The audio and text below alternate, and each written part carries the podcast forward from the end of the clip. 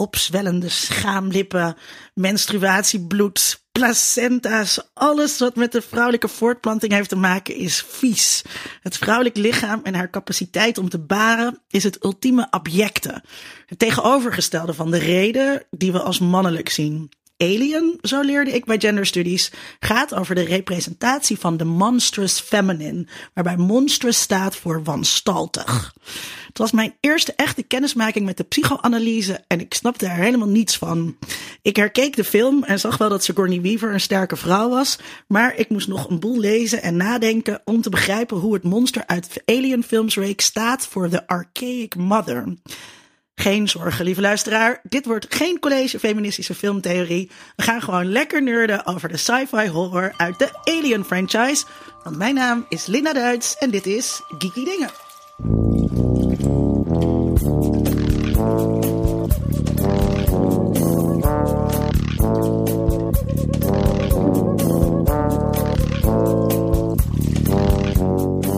Mijn naam is Driessen en het engste uit de Alien-films uh, vind ik uiteraard de Facehugger. Mijn naam is Sidney Smeets en het engste uit de Alien-films vind ik het idee dat er in je lichaam een, een, een wezen zich ontwikkelt dat uh, je er niet in zou willen hebben. Uh, mijn naam is Tom Aalmoes en ik zat eigenlijk heel dicht bij Sydney. Gewoon het idee van die chestburster die soort van je besluit je lichaam te verlaten. Uh, dat is, uh, dat is uit. Ja, nou. Mijn naam is Linda Duits. En het engste aan Alien uh, vind ik dat, dat, er, dat er in de, dat de ruimte een soort enge zee is met, vol met monsters mm -hmm. waarvan je niet weet ja. waar ze verstoppen. Mm. en, dat, en dat staat heel erg tegenover mijn geïdealiseerde ruimte-idee. Ja. Uit, uit 2001. Ja, ja. ja, dat vind ik het engste. Okay. Nou ja, we gaan het dus, uh, we gaan het dus hebben over, uh, over Alien, over de Alien uh, franchise. En Ipe is er weer. Super leuk dat je er bent, Ipe. Ja, leuk. Ik vind het ook leuk. Hoe is het met je? Goed hoor. Heb je nog een boek te pluggen of zo? Um, oh ja, nou, mijn boek met Jonica. Ja, nee, vertel, ga ik nee, wel vertellen? Nee, toch? Ja, Gaat het toch over Alien? Oh ja. Ja, mag je even pluggen? Ik heb een boek met Jonica Smeets. Uh, de verrassende verjaardagen en andere nogal logische fotostrips. Met uh, onze fotostrips over wetenschap en wiskunde en filosofie. En uh, dat is een heel leuk boek. Is het leuk voor nerds? ja, voor geeks? het is super geeky. Een beetje beta. Ehm, en een beetje beschouwend. En vooral heel erg grappig en flitsend. Uitgeverij Nieuwe Zijds. En het kost slechts 17,29. Wat natuurlijk een heel significant getal is. Dat, uh, dat hoorde ik in de podcast. Ja, elke geek, ja. Ja. Ik ben Uh, ook ben ik vergeten waarom het ook alweer... Ja, omdat, dat, is, dat is een heel ingewikkeld verhaal dat Jonica eigenlijk moet vertellen. Nou, ik kan het wel vertellen hoor. Wisten, weten jullie het? Nee. Ik, nee. Het was een getal waar niks leuks over te vertellen zou zijn. Uh, zei de ene wiskundige tegen de andere. Uh, en um, dat blijkt dan natuurlijk niet zo te zijn, want over 1729 vallen heel veel dingen te vertellen. Zo is het het eerste getal dat als de som van, uh, weet ik veel. maar dat de, de, de moraal van het verhaal is dat over elk getal oneindig veel grappige dingen te weten en vertellen zijn. Okay. En dat staat allemaal in het boek. Nou, dit staat uh, in, in een voetnoot van het boek. Het is denk ik een van de eerste uh, stripboeken met een notenapparaat. Oh, wat leuk. En, uh, dat hebben jullie speciaal voor deze gedaan, toch? Ja. Dat zit er normaal niet bij. Ja. En dan op een gegeven moment komt dat getal 1729 volgens mij voorbij. En dan is dus de voetnoot van die strip. Legt dan uit precies hoe dat zit met dat getal.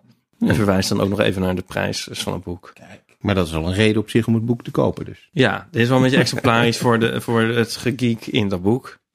Ja. Superleuk. Nou, dus dat tot over mijn plug. Ja. ja nou ja, voor, voor, ja. voor een, nou goed, heel een goed. ideaal cadeau Ja. voor de geek in je leven. Ja. Voor de geek in je leven. Ja. Um, nou, voordat we gaan beginnen, um, wil ik graag weten van iedereen wat ze allemaal beleefd hebben in de afgelopen twee weken dat ik jullie niet heb gezien. Uh, Tom, wil jij beginnen? Ja hoor, uh, ik ben afgelopen week begonnen aan de nieuwe HBO-serie Chernobyl. En die is heel erg goed. Ja. Um, ik heb de afgelopen week voor deze aflevering de hele tijd Alien films zitten kijken. Echt, echte horrorfilms en zo met zogenaamde enge momenten erin. Uh, maar Chernobyl, de eerste aflevering, was veel, veel, veel enger Oh. dan al die alienfilms bij elkaar. Ehm, het idee dat ineens de lucht om je heen dodelijk is voor Mhm. je en je gewoon begint te verbranden uit het niets en er is niks dat je er tegen kan doen. Je gaat gewoon dood. Het, het, het is zo goed in beeld gebracht, het is zo benauwd. De hele stijl is perfect. uh, en het is echt doodeng. Ja. Dus ik kan hem heel erg aanraden. Het is eh, HBO. ehm, eh, Jared Harris, die speelt eh, de hoofdrol. Ja. Ehm, en Stellan Skarsgård speelt een belangrijke rol. Emily Watson. Dus goede acteurs.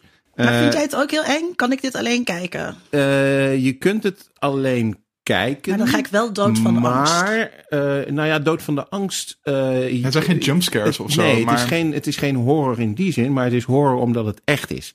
En eh, nou ja, wij zijn ongeveer dezelfde leeftijd, dus ik denk dat jij je nog wel kunt herinneren Zeker. eh, dat er op enig moment, eh, nou ja, kinderen ook verteld werden dat ze bepaalde groenten niet mochten Spinazie eten. mochten we niet meer precies. eten. Ja. Dus je, dus je hebt er een soort herinnering aan van wat is Tsjernobyl en wat is er gebeurd in Tsjernobyl.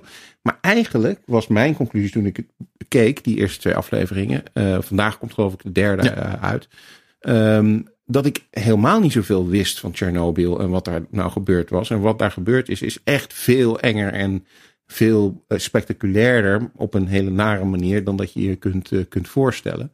En dat, dat helpt dan een beetje voor mij dat ik een enorme fascinatie heb met eh, nucleaire reacties en atoombommen. En dat, het, dat ik dat heel erg spannend vind van nou ja, hoe, hoe, hoe zoiets werkt en hoe zoiets op aarde eh, kan plaatsen. Er is op een gegeven moment ook een opmerking, die wordt volgens mij in de eerste aflevering eh, gemaakt, waarin ze zeggen van ja, dit is nog nooit in de geschiedenis van de aarde eh, voorgekomen. Nee.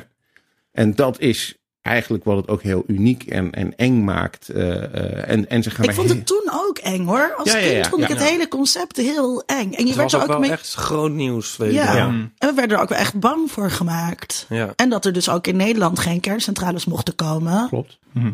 Nou ja, en het grappige van deze serie is dat je dus je realiseert dat we weliswaar bang zijn gemaakt, maar echt niet, Niet bang, bang genoeg. genoeg. Nee. Want er was zoveel meer aan de hand en het was zoveel erger dan je je ergens ooit voorgesteld hebt. Eh, En dat wordt heel goed gedaan. Het thema van, het, eh, van de serie is ook eh, dat ze eigenlijk proberen de, de, het gevecht met de waarheid bloot te leggen. Dat maakt het natuurlijk ook heel actueel. Hè, van de, Mm. de battle against truth en eh, de, de false facts en, en dat soort dingen allemaal.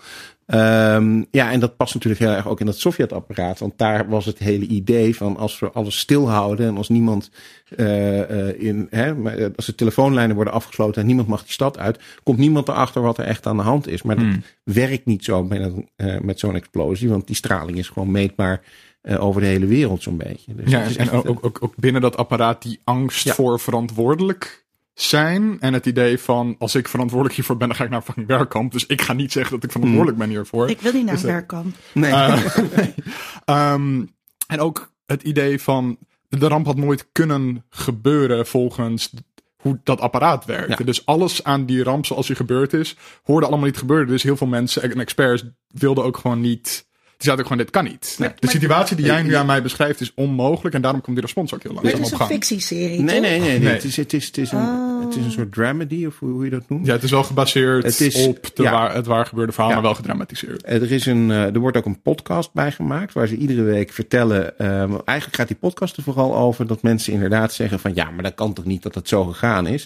En dan gaan ze dus uitleggen dat het wel echt zo gegaan is. Heel veel is gebaseerd op eh ooggetuigenverslagen en interviews met mensen die dat hebben, hebben meegemaakt.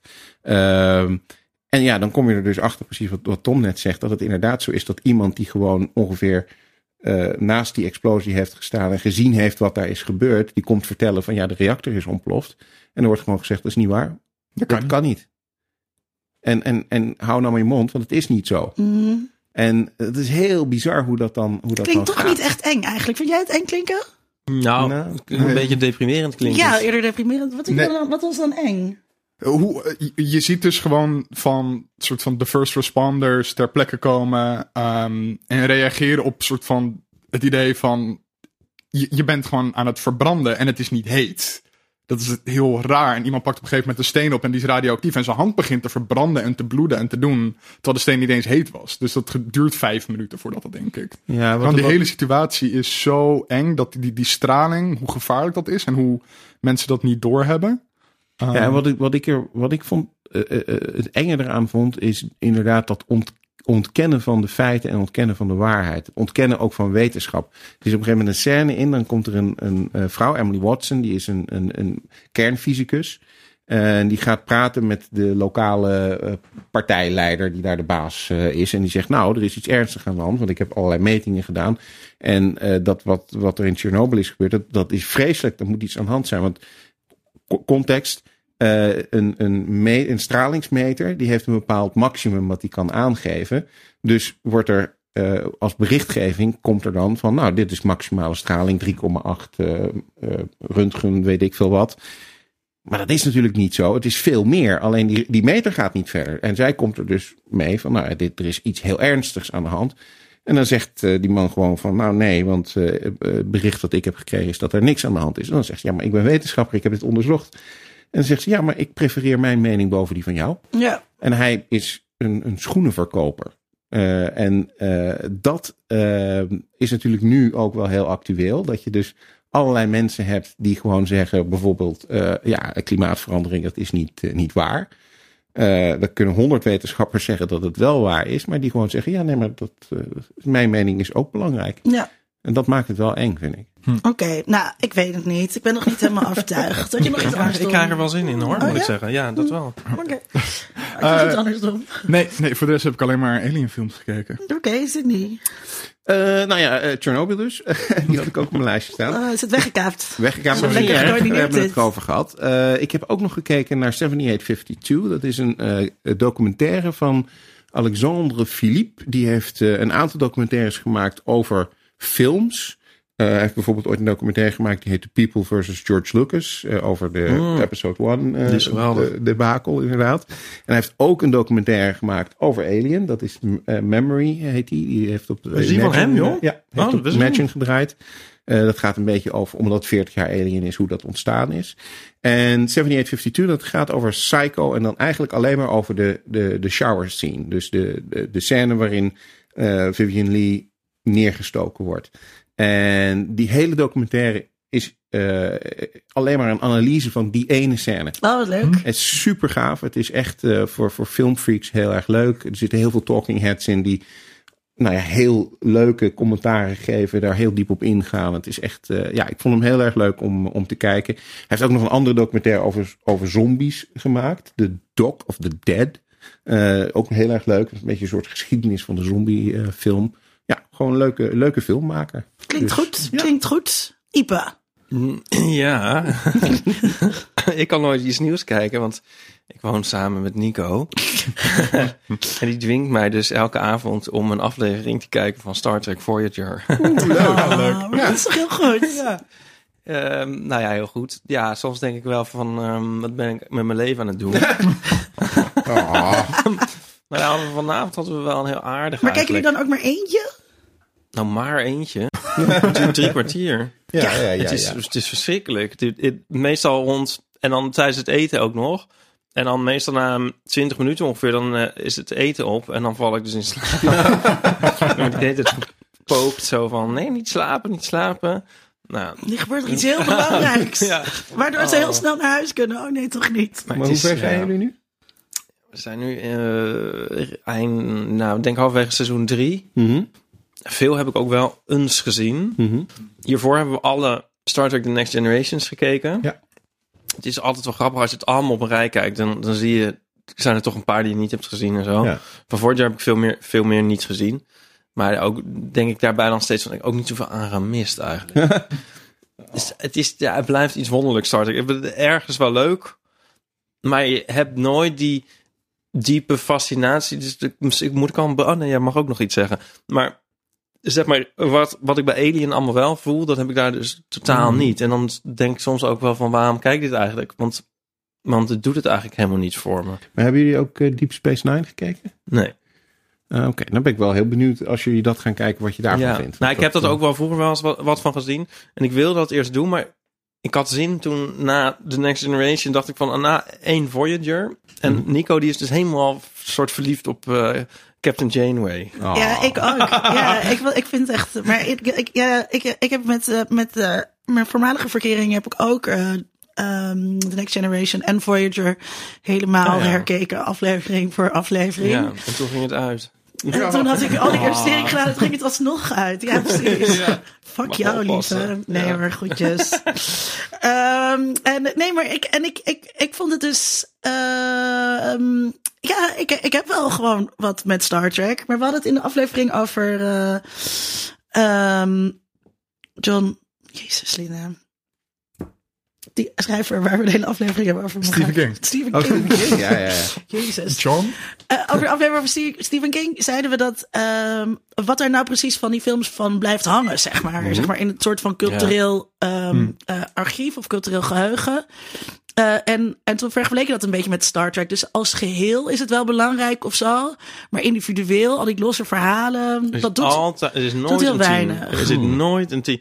Ja, ik hoop niet dat Nico luistert. Maar soms is er iets aardigs, weet je wel. Soms is een aardige premisse. Mhm. Of is het nog zelfs een beetje spannend. Ik heb trouwens laatst was er een soort enorme alien rip of aflevering Ja. zagen we. Heel grappig van eh, Voyager. Want in toon kan het ook heel erg verschillen dan. Hè? Ook Dat- een maar dat vind ik juist leuk. vind ik ook wel leuk.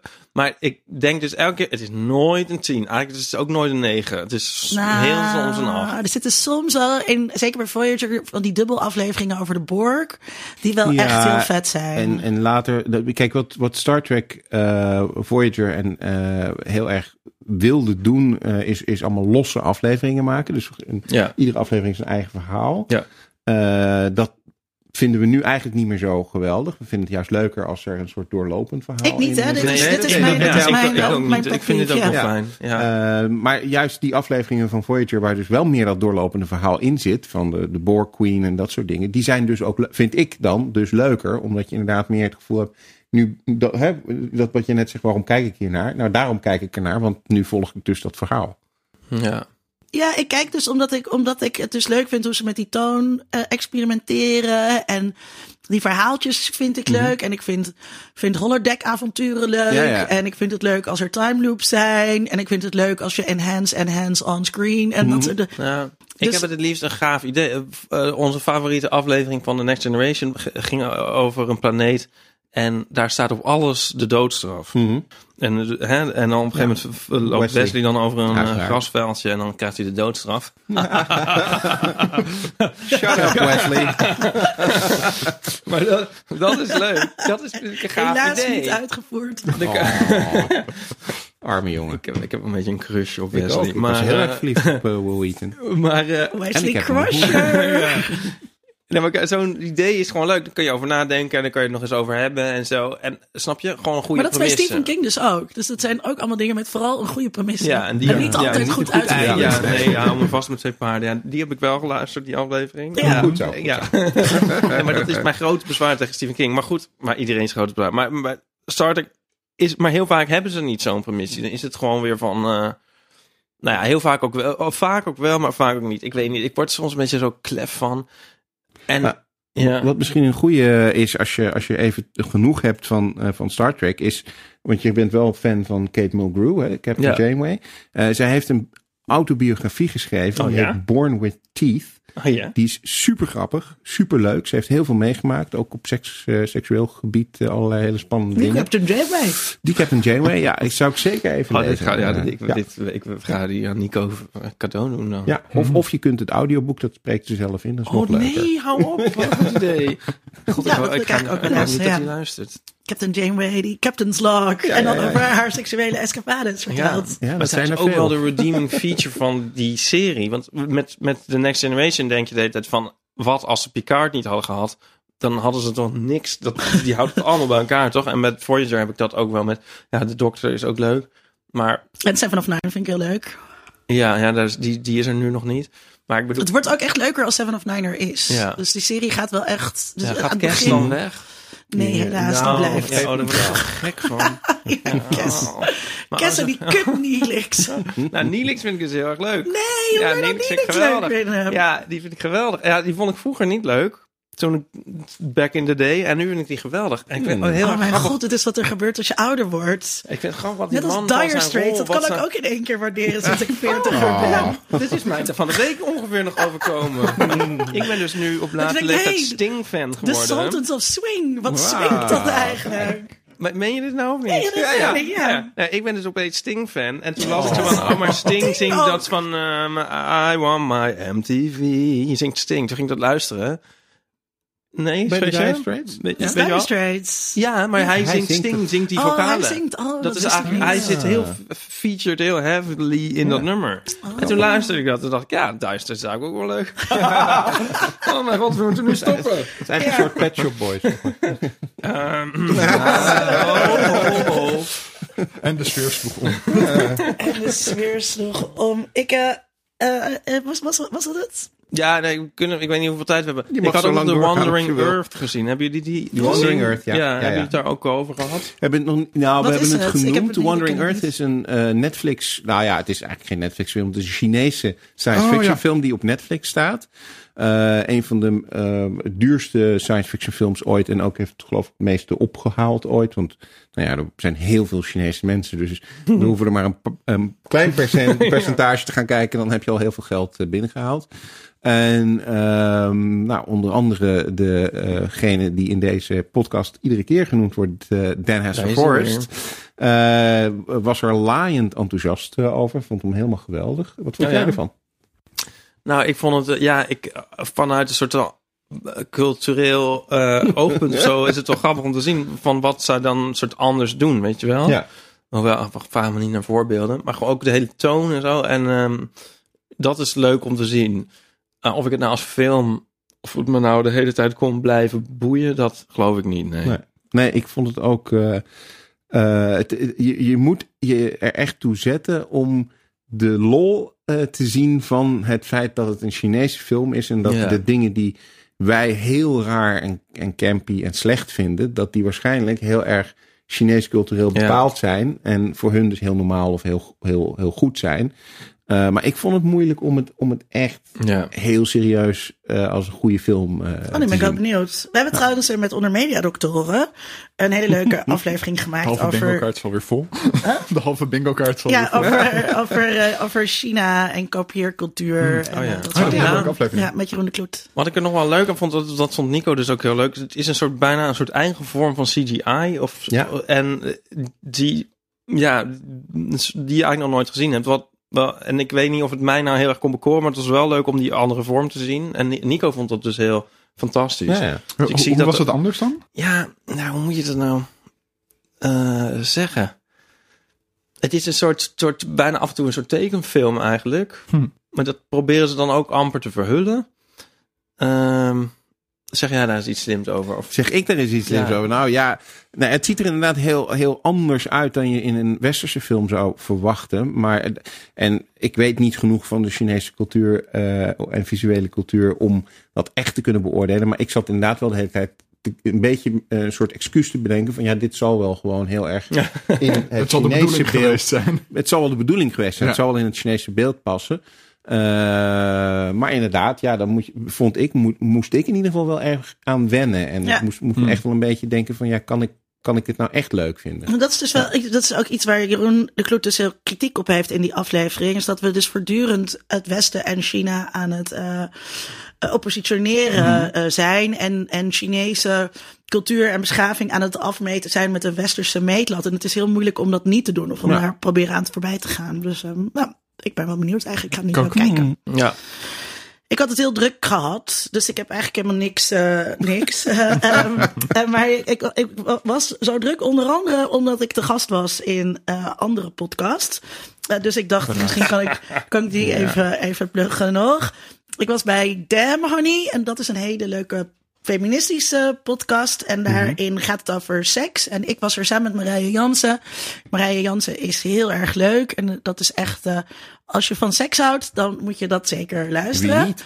Eh Damn Honey dus. En ik was bij eh, Met Nerds om tafel. En dat is een nerdy podcast. En eh, toen ging het ook een beetje over seks. Hmm. Ehm, maar we hadden het ook, en ik dacht misschien is dat ook nog wel leuk om even met jullie te doen. We hadden het ook over spoilers. En wanneer mag je spoileren? Oh ja. Hmm. Wat, wat is, zeg maar, wat vinden jullie de, de, de, de, een respectabele wachttijd? Ik, ik vind die, die hele soort van spoilerpaniek die de laatste jaren is ontstaan rond onder andere Game of Thrones. en Ik zit hier dus ook super gestrest aan tafel, beste luisteraar. Omdat Sydney en Tom de finale van Game of Thrones hebben ik gekeken vind, ik en vind dat niet. best wel los mogen laten. Het, het, het gaat heel erg om het idee dat alle media die we kijken, dat er een soort van twists en belangrijke dingen in zitten. En die kan je alleen maar ervaren als je nog niet weet wat het is. Wat ik Mhm. gewoon een beetje zonde vind. Dat je kan, het is ook heel interessant te kijken van, oké, hoe gebeurt het dan? Ja. Ehm, Hoe En- komt Luke erachter dat Darth Vader zijn vader is? Ja, Ja, maar- dat is misschien een Wat doe je nou? iets anders maar dat, voor, dat, voorbeeld. dat Ja. is iets anders. Maar ik, ik snap Maar dat, dat is gewoon... toch, dat is, daar gaat, dat is een spoiler. Klopt, maar ik luister zelf eh, naar eh, A Storm of Spoilers. Dat is een eh, podcast over Game of Thrones. Ja, het is nu afgelopen, want Ja. Game of Thrones is afgelopen. Eh, maar ze hebben in die podcast altijd een bespreking van de aflevering. En dan komt de storm. Hè, dus ze hebben de calm before the storm en dan komt de storm. En in de storm gaan ze allemaal spoilers bespreken voor de volgende aflevering. Allemaal dingen die ze gelezen hebben op internet. Of waar er zitten mensen die bij Vanity Fair werken. Die misschien al iets vooruit hebben kunnen kijken of zo. Oké. Ehm, nou, dat kondigen ze ook heel duidelijk aan. Dus je kunt gewoon stoppen als je niet wil worden gespoild. Ehm, maar het grappige is, en daar hadden ze het in de laatste aflevering ook over, dat als je wel naar die spoilers luistert en je kijkt dan de volgende aflevering, kan dat je, ver- je, je kijkervaring ook verrijken. Hmm. Omdat je eh, op de een of andere manier een beetje, zeker bij Game of Thrones nu, een beetje voorbereid bent op wat er gaat komen. En dus ook eh, bijvoorbeeld minder teleurgesteld bent of juist al een beetje mee gaat denken in die richting die dan misschien ook best wel eh, in het verhaal zou kunnen, kunnen Maar passen. daarvoor Dus, kijk ik een tweede keer.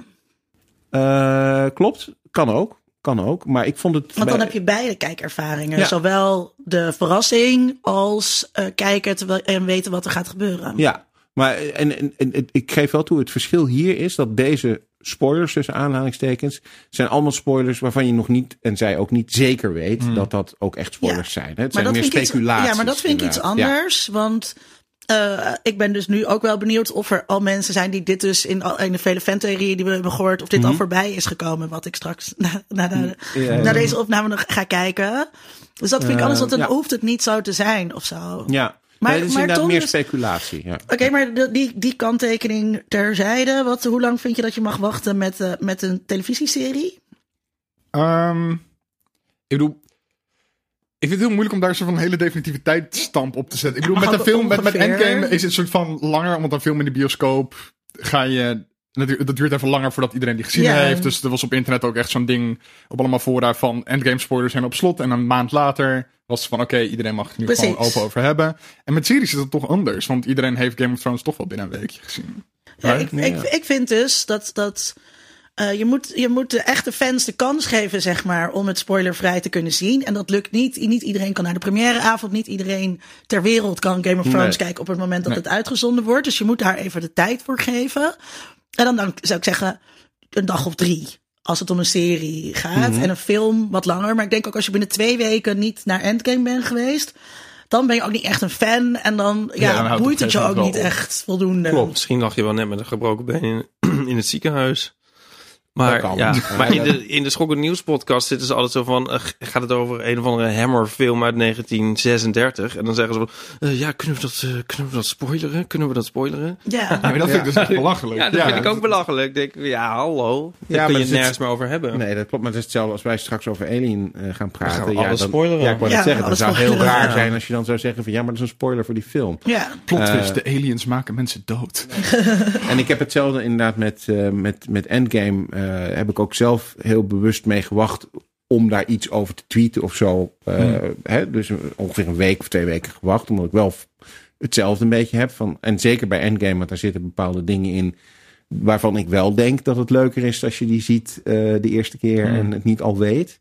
Eh, en bij series is het, is het korter. Want mensen hebben over het algemeen zo'n serie toch vrij snel eh, gezien, vind ik. Je hebt, je hebt wel van die nieuwsites, ehm zoals Fox met een V. Mhm. Eh, En die tweet nog wel eens een artikeltje eruit met een foto met een Zeer spoiler erop. dat, is, vind ik, dat vind ik ook wel Eh, irritant. Ja, dat is wel echt vervelend. En, en ze worden daar ook elke keer op aangesproken. En elke week staat die spoiler er weer bij. Ja, ja, ja. Ehm, en jij- dat vind ik wel vervelend. Van, van recensisten moeten ook wel een beetje terughoudend zijn in hun kop de dag nadat dat ding uitkomt. Ja. Vind ik ook. En, maar, en, ja, en het andere is, je kunt natuurlijk ook tegenwoordig gewoon muten. Hè? Eh, als je, Hmm. Zeker op Twitter, je kunt bepaalde woorden muten. Eh, ik, ik- bijvoorbeeld Clarice, eh, die doet dat. Die, die tweet dat ook van, nou, ik, ik zie die spoilers gelukkig niet, want ik heb alle woorden, Aria, Game of Thrones, alles heb ik gemute. Dus dat komt bij mij Ik heb ook heel bestand timeline. Ja. aangemaakt met Game of Thrones gerelateerde Ja, ja. maar niet iedereen gebruikt natuurlijk. ehm, want, want dan ben je nog steeds met zo'n titel. En zo'n plaatje, daar kan je bijna niet op muten. En ik zit Klopt. ook op andere platformen Ja. eh, dan, dan Mhm. Twitter. Dus op Ninekijk is het ook best wel een, eh, een dingetje. Mhm. Ja, en dan weet je ook, oké, ik blijf nu wel even weg van Ninekijk. Ja, ja, dat ook- soms sowieso wel, omdat er dan af en toe op Nine Gag wel hele rare dingen staan. Het is soms best wel racistisch en Ja, precies, ja. maar Ja. soms ook heel antiracistisch en Juist, ja, anti-homofoob. het is een heel, heel, Zoals de heel wereld complex zelf. platform, vind ik. Je, je, je hebt een subreddit met eh, eh, een Game of Thrones subreddit, Free Folk.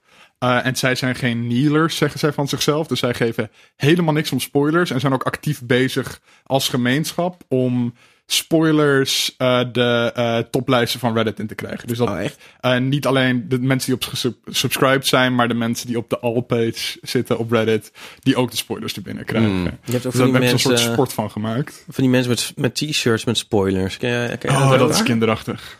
Ja, dus is, is er één- in ieder geval één zo'n gra- grappig t-shirt. eh, met dan allemaal spoilers op een rij van Soy- Soylent Green is people. Mhm. En zo. En eh, de- inderdaad, Darth Vader staat erbij. En eh, ik denk volgens mij, en, eh, hoe heet die film? Ehm ik kom, die met eh, I See Dead People. Ja. En Ja, al die dingen. Sense. Ja, Ja, ja. Bruce Willis is dead. Nou, anyway, dit is allemaal op een rijtje zo op een t-shirt. Oh, ja.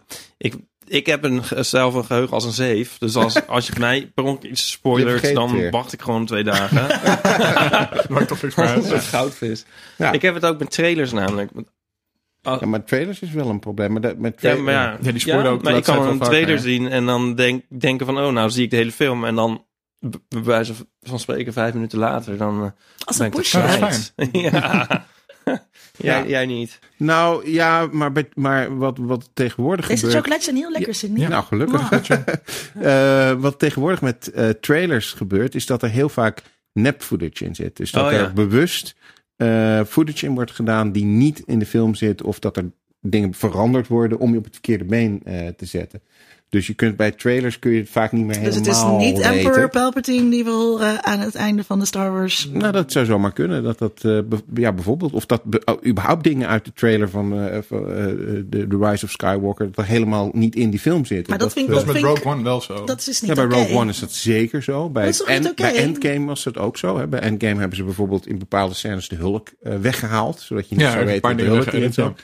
Eh, eh, ja, is dat oké? Dat weet ik niet. Ehm, het, het, het helpt in die zin natuurlijk dus wel als je geen spoilers wil. Hmm. Eh, dan kun je toch die trailer zien, maar je bent niet gespoild voor de film. Dus het helpt wel. Ja, bijvoorbeeld bij Westworld Season, bij het tweede seizoen hebben ze toen een hele mooie trailer gedaan. Die hebben ze Mhm. helemaal apart geschoten, los van het hele verhaal. Ja, ja, ja. Puur om een soort sfeerimpressie te geven van dit is wat we een beetje gaan doen. Bij Game of Thrones hebben ze het heel actief gedaan. Er zijn allerlei scènes opgenomen die niet in de serie zitten. eh, om dus al die mensen die met drones en met foto's bezig waren op het verkeerde been eh, te zetten. Wat een gedoe. Ja. Wat een verhaal. Ehm, maar het was, het, was, het was leuk bij beide podcasts. En eh, misschien nog wel ehm, aardig dat we onder andere met de nerds van Met Nerds om tafel binnenkort op het Tech Podcast Festival staan. Eindelijk is het weer zover. Het jaarlijkse Tech Podcast Festival komt eraan. En we zijn aangekomen bij versie 2.0. Want op zaterdag 22 juni kun je live in de Bali in Amsterdam komen kijken naar vijf van jouw favoriete podcasts. En dat belooft een gezellige dag te worden, want er is plek voor 200 man, een bar in de zaal en een programma vol fantastische live-opnames. En al dat moois wordt mede mogelijk gemaakt door TransIP. Natuurlijk is met Nerds om tafel van de partij, maar weet je wie er ook zijn? Amsterdam, bier en podcast nerds, dat lijkt ons een ideale combinatie. Als Neder-Belgen kunnen we uiteraard niet ontbreken op het tweede Tech Podcast Festival. Tech 45 is er zeker bij. Hallo, ik ben Tom Aalmoes. En ik ben Linda Duits. En samen met Sydney Smeets komen wij op het Tech Podcast Festival praten over nerds in de popcultuur. Want wij zijn geeky dingen. Hoi, ik ben Wout van Tweakers. En waar we vorig jaar alleen host waren en niet meededen, zijn we dit jaar met de Tweakers podcast ook van de partij. Met de vertrouwde highlights en een deep dive in een actueel tech-onderwerp. Ja, en op een Tech Podcast Festival horen natuurlijk Tech Snacks. Ook wij, Maarten van Woerkom en Raymond Mens, zijn met de Tech Snacks podcast weer van de partij. En jij toch ook? Ga nu snel naar www.debali.nl en bemachtig daar je kaarten voor deze nu al legendarische dag. www.debali.nl Tot dan! Nou, het is natuurlijk heel leuk als jullie dan eh, komen, allemaal. Zeker. Ja. Dan kan je zien namelijk hoe wij dus live daar een aflevering opnemen. Ja, wat voor leuke t-shirts we aan hebben. Zoals een Death Star eh, eh, Pac-Man eh, t-shirt. wat Linda op dit moment draait- draagt. Of Sydney heeft een alien t-shirt aan. Ja. Namelijk de Wayland Yutani Corp Building Better Worlds. Sydney gaat nu, laat nu heel duidelijk zijn t-shirt aan de microfoon zien. Nou, dat is Misschien dus- hoor je hem. Dat is dus leuk om naar te komen kijken. Dat mensen ook zulke dingen doen. Want we gaan het dus nu hebben over Ja, waren die niet opge- opgekocht door Walmart? Ja. Whalen?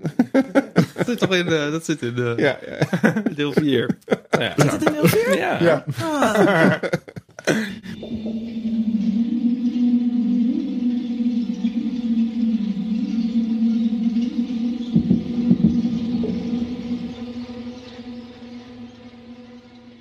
Oké.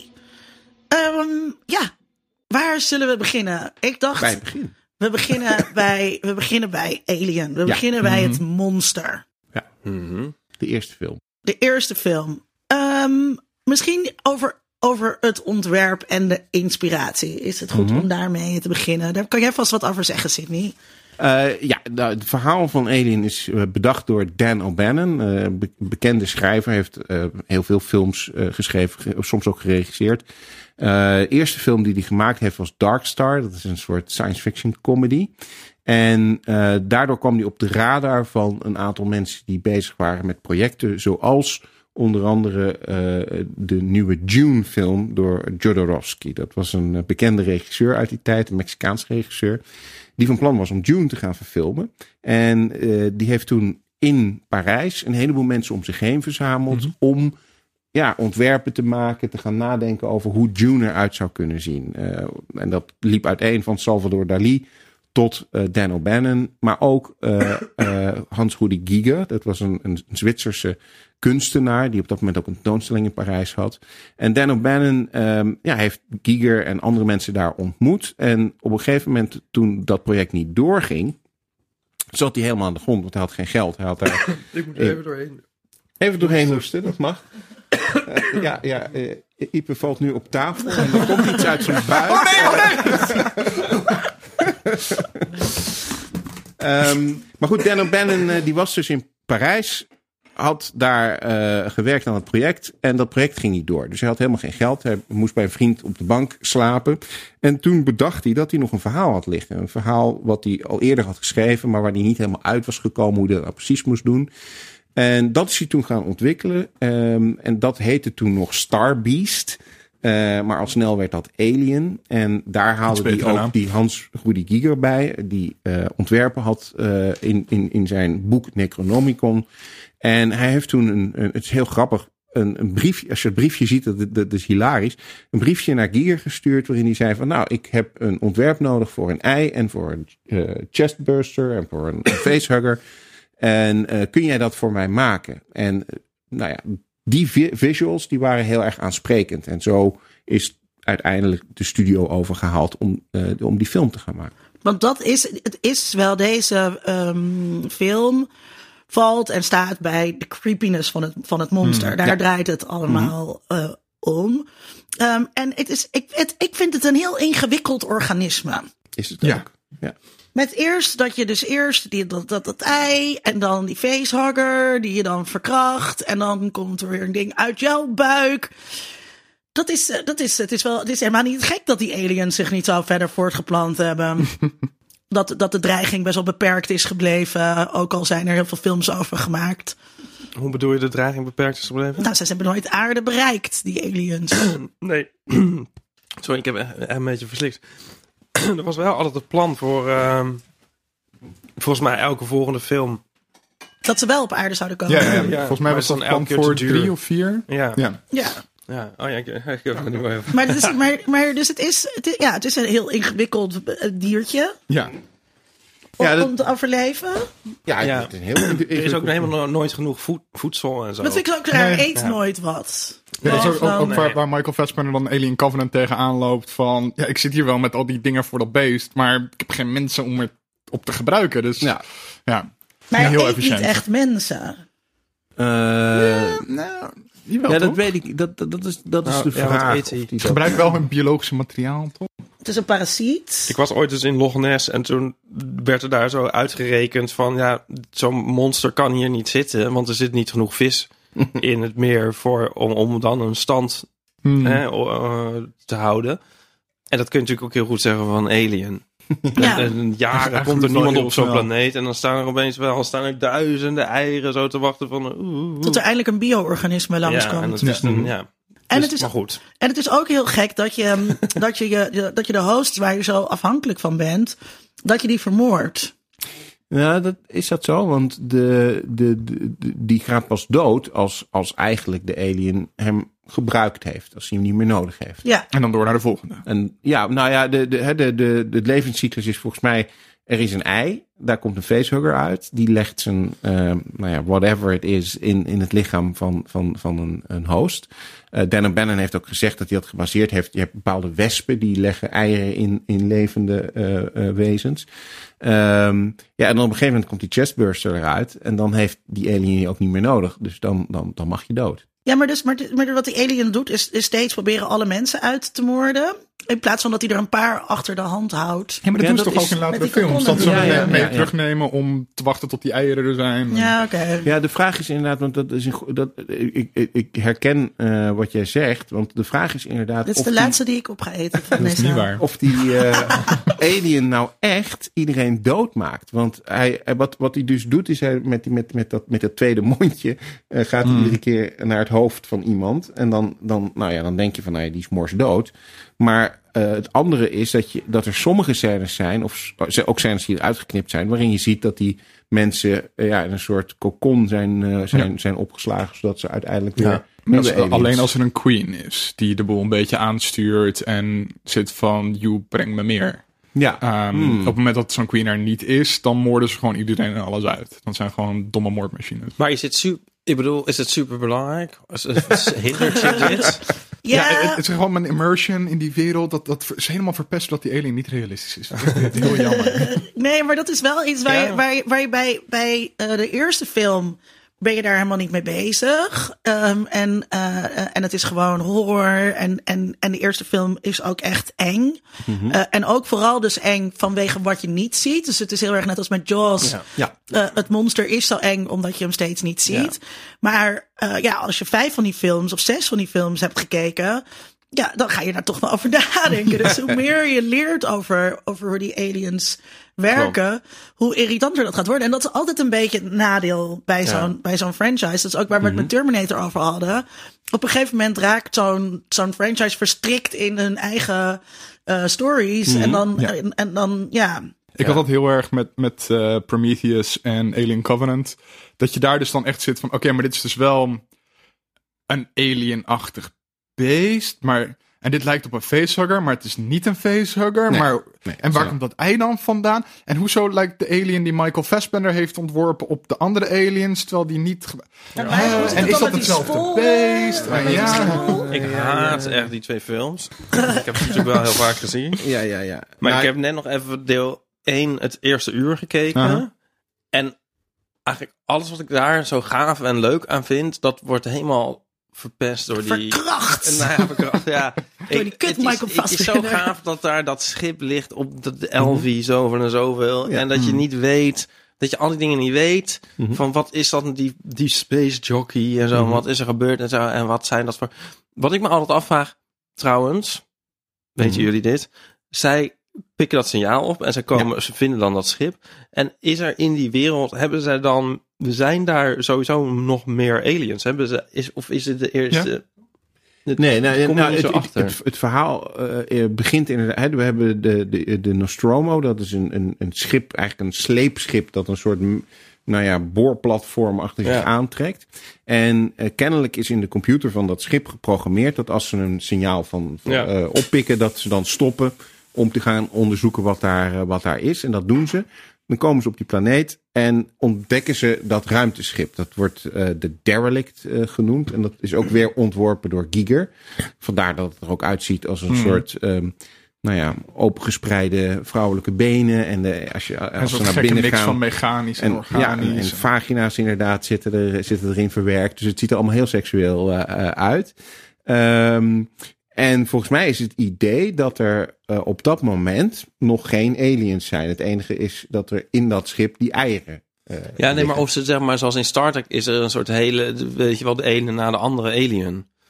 Volgens mij, Verschillende, volgens mij zeggen soorten ze in, in deel 2, ehm eh, zegt ze tegen Ripley, eh, eh, eh, 300 charted worlds and never found. Ja. eh, dus volgens mij is het wel Nee, het is idee dat er geen unieks. ander Ja. leven Nee, is. precies, ja. gevonden. er zijn gewoon Ja. engineers, aliens en mensen. Maar die engineers, dat weten ze Nee, dat natuurlijk weten we ook pas later wel in, een- van. Ja, pas maar in dat, dat, Prometheus. ja, maar dat vind ik dus wel bijdragen aan een soort mysterieuze sfeer en zo van, oh, oh. En dat, is dus ook precies wat ik, tof. wat ik aan het begin zei. Waar- waarom, waarom de ruimte is een hele enge Ja. Eh, Daardoor. En echt dat idee van de zee had ik, er, had ik erbij. Wat ook wel in andere films ook, ook terugkomt. Ja. Eh, En dat je, dat je moet door hele, je moet he- door hele grote stukken ruimte. waarvan we niks weten. En daar ben je dan in, eh, in, in zo'n hyperslaap, in zo'n in zo'n stasis eh, fase. Ook helemaal overgeleverd aan technologie. Wat ik natuurlijk ook heel eng vind. Maar zij doen alsof dat allemaal heel normaal is. Ja. En zeker in die eerste films is het allemaal heel alledaags. En dan gaan ze zo gezellig met elkaar eten Ja, ja, ja. en ontbijten. Ja, wat, Ehm, wat, wat in die eerste film vind ik heel, heel mooi en, en, en spannend is, is, is juist dat idee. Hè? Ze, ze, ze worden wakker gemaakt uit die hyperslaap. En ze weten in eerste instantie niet precies dat er iets aan de hand is. Hè? Want ze, ze, Ze worden komen- gewoon wakker. Ze denken, hè, bijna dag. ja. Ja. ze denken van nou, we zijn nu thuis of we zijn nu bijna thuis. Maar dan blijkt er dus iets anders That's aan not our aan- system. Ja, en not our dat, system. dat, dat, dat, dat vind ik al een super gaaf concept. Dat, Ja. dat, dat zet je ook meteen in de mo- modus van, oh jee, hier is Ja. iets aan de hand. Ehm, de look van die hele film is bijzonder. Hè? Dit, dit, dit is ook wel gezegd van het zijn truckers in space. Ja. En dit zijn allemaal mensen van de. eh, eh, dit zijn gewoon. ehm, ja, dit zijn geen, geen astronauten zoals Dave Bowman eh, in 2001. Dit zijn gewoon eh, werkpaarden die, die op een, op een, op een boorplatform aan het werk zijn. Het ziet er ook allemaal uit alsof het heel oud en gebruikt en een Maar nog over die, is. over die crew dan wel Ja. even. Dat, wel, in Alien vind ik dat nog net eh, een goede soort geloofwaardige mix of zo. Mhm. Maar dan heb ik het idee dat, nou, Aliens is weer anders.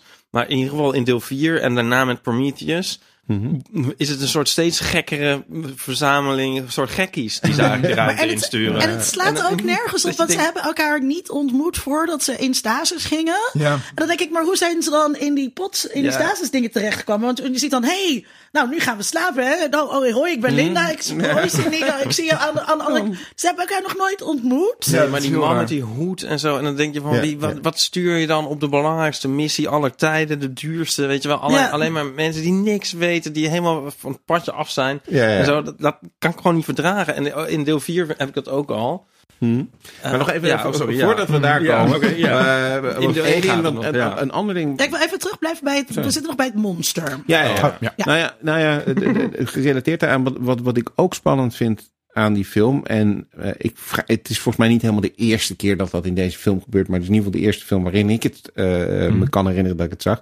Is dat idee dat er dus een signaal is. Hè? En ze denken van, oh, daar gaan we naartoe. We moeten dat signaal on- onderzoeken. En dat je er op een gegeven moment achter komt dat het een waarschuwing is. Ja.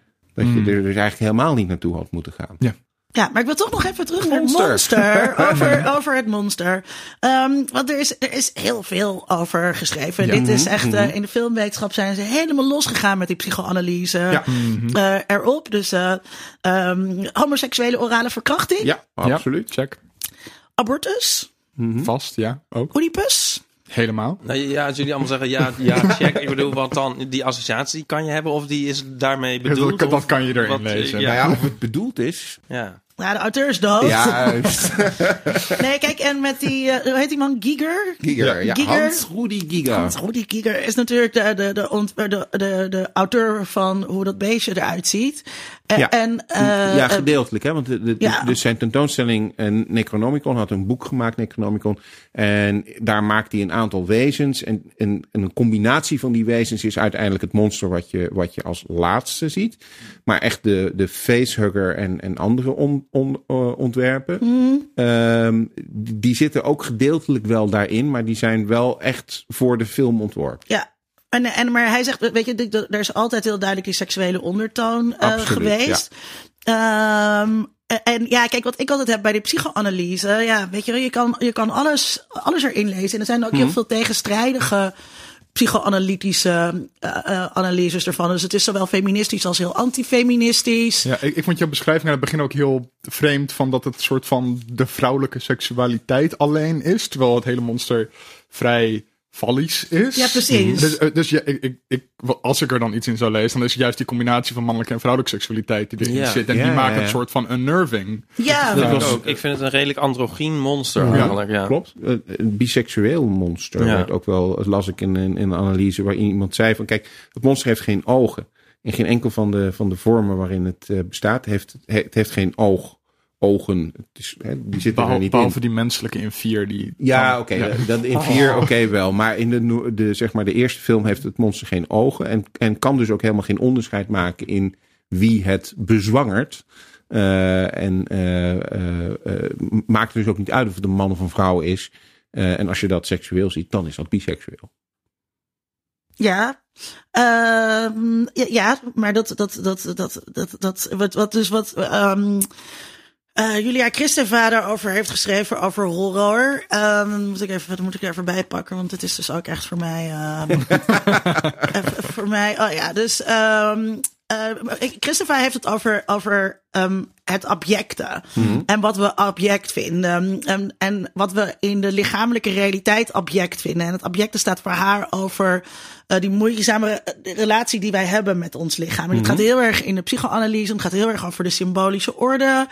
eh, hoe je jezelf kunt zien, zeg maar. En die terugspiegeling die daar is. Waarbij dus Ehm, eh, juist alles in die vrouwelijke voort. Want, want de man is vrij steriel, zeg maar, in de, in de penetratie.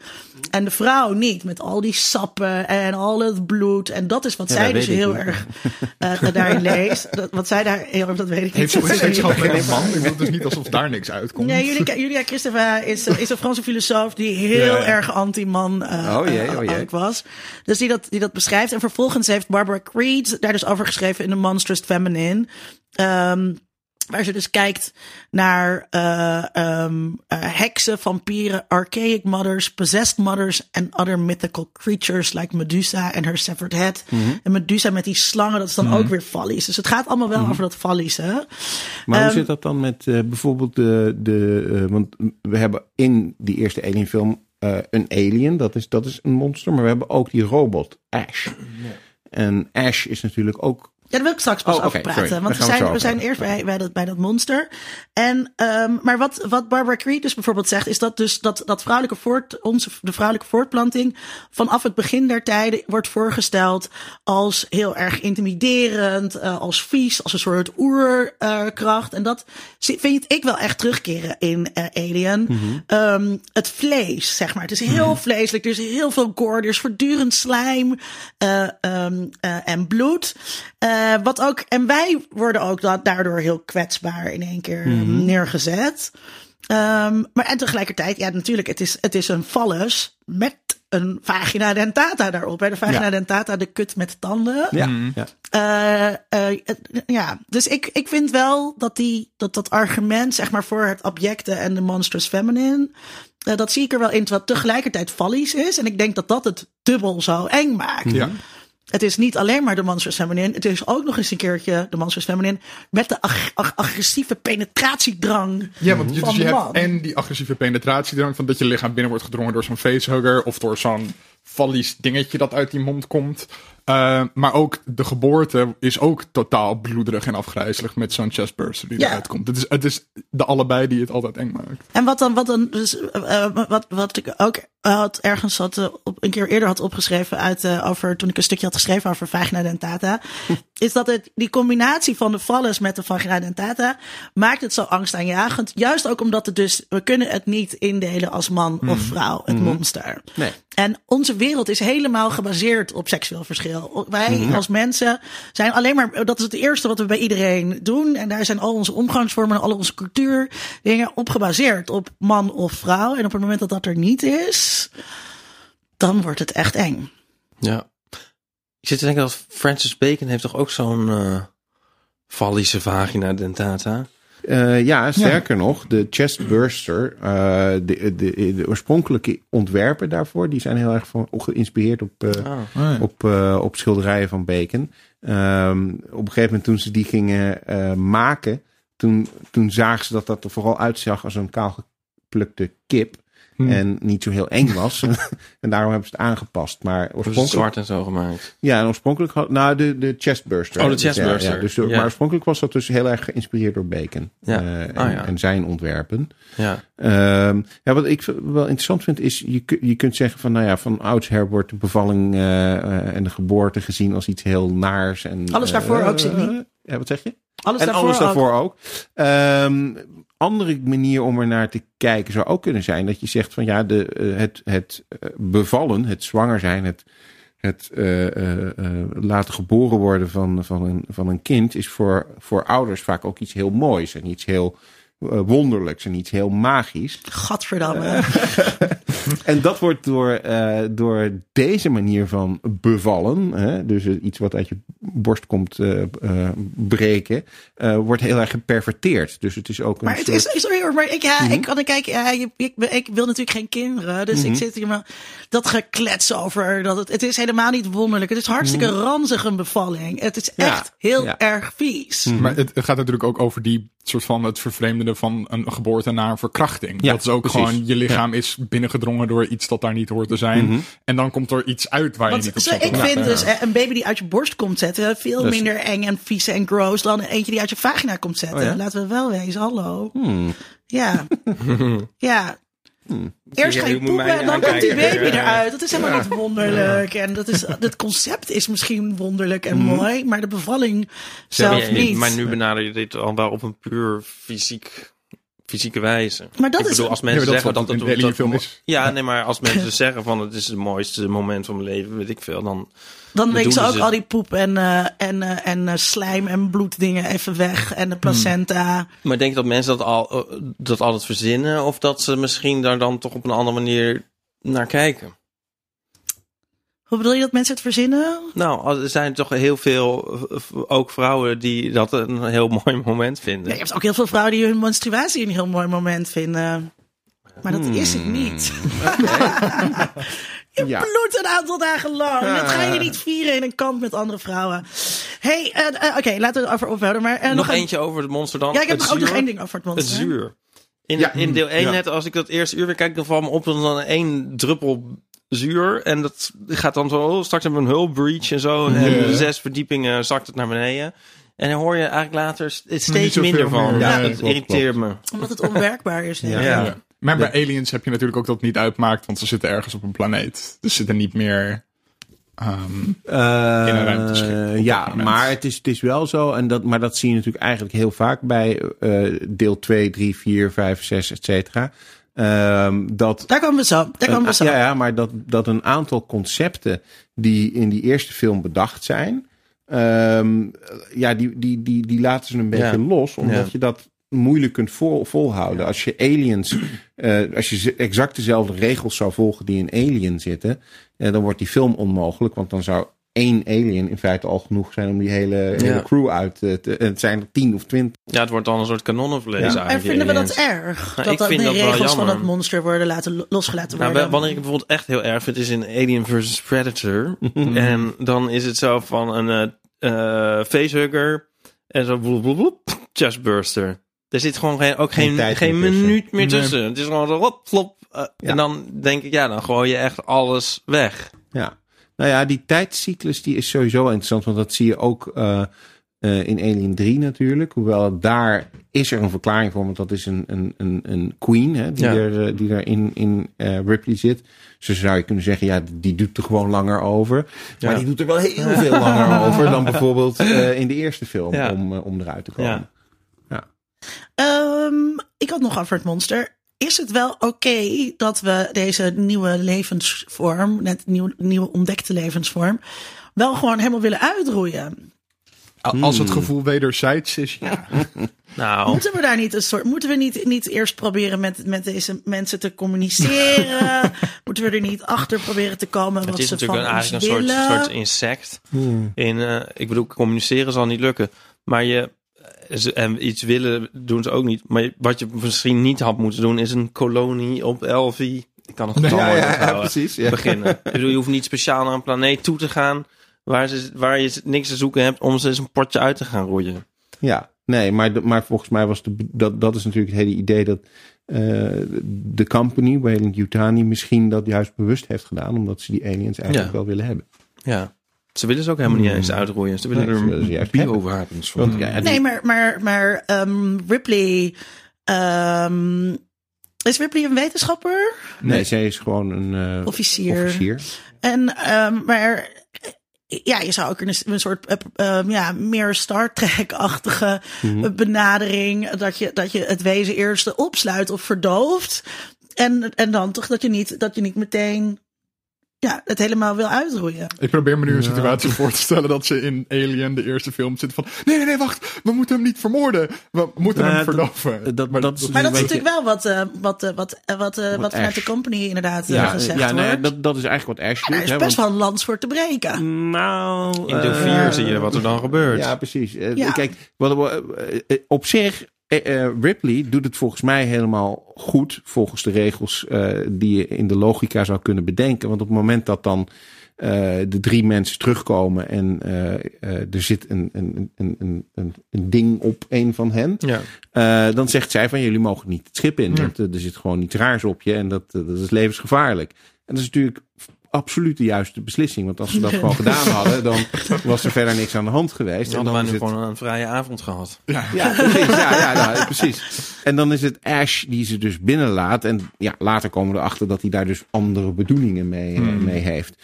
Maar ik denk dat Ripley op zich, op het moment dat ze het eh, besluit om het beest uit te moorden, ehm, eh, ja, niet zo heel veel anders meer kon. Want, het, want, want dat beest heeft dan al mensen vermoord. eh, Bijna iedereen, behalve haar. En ze moet die kat redden.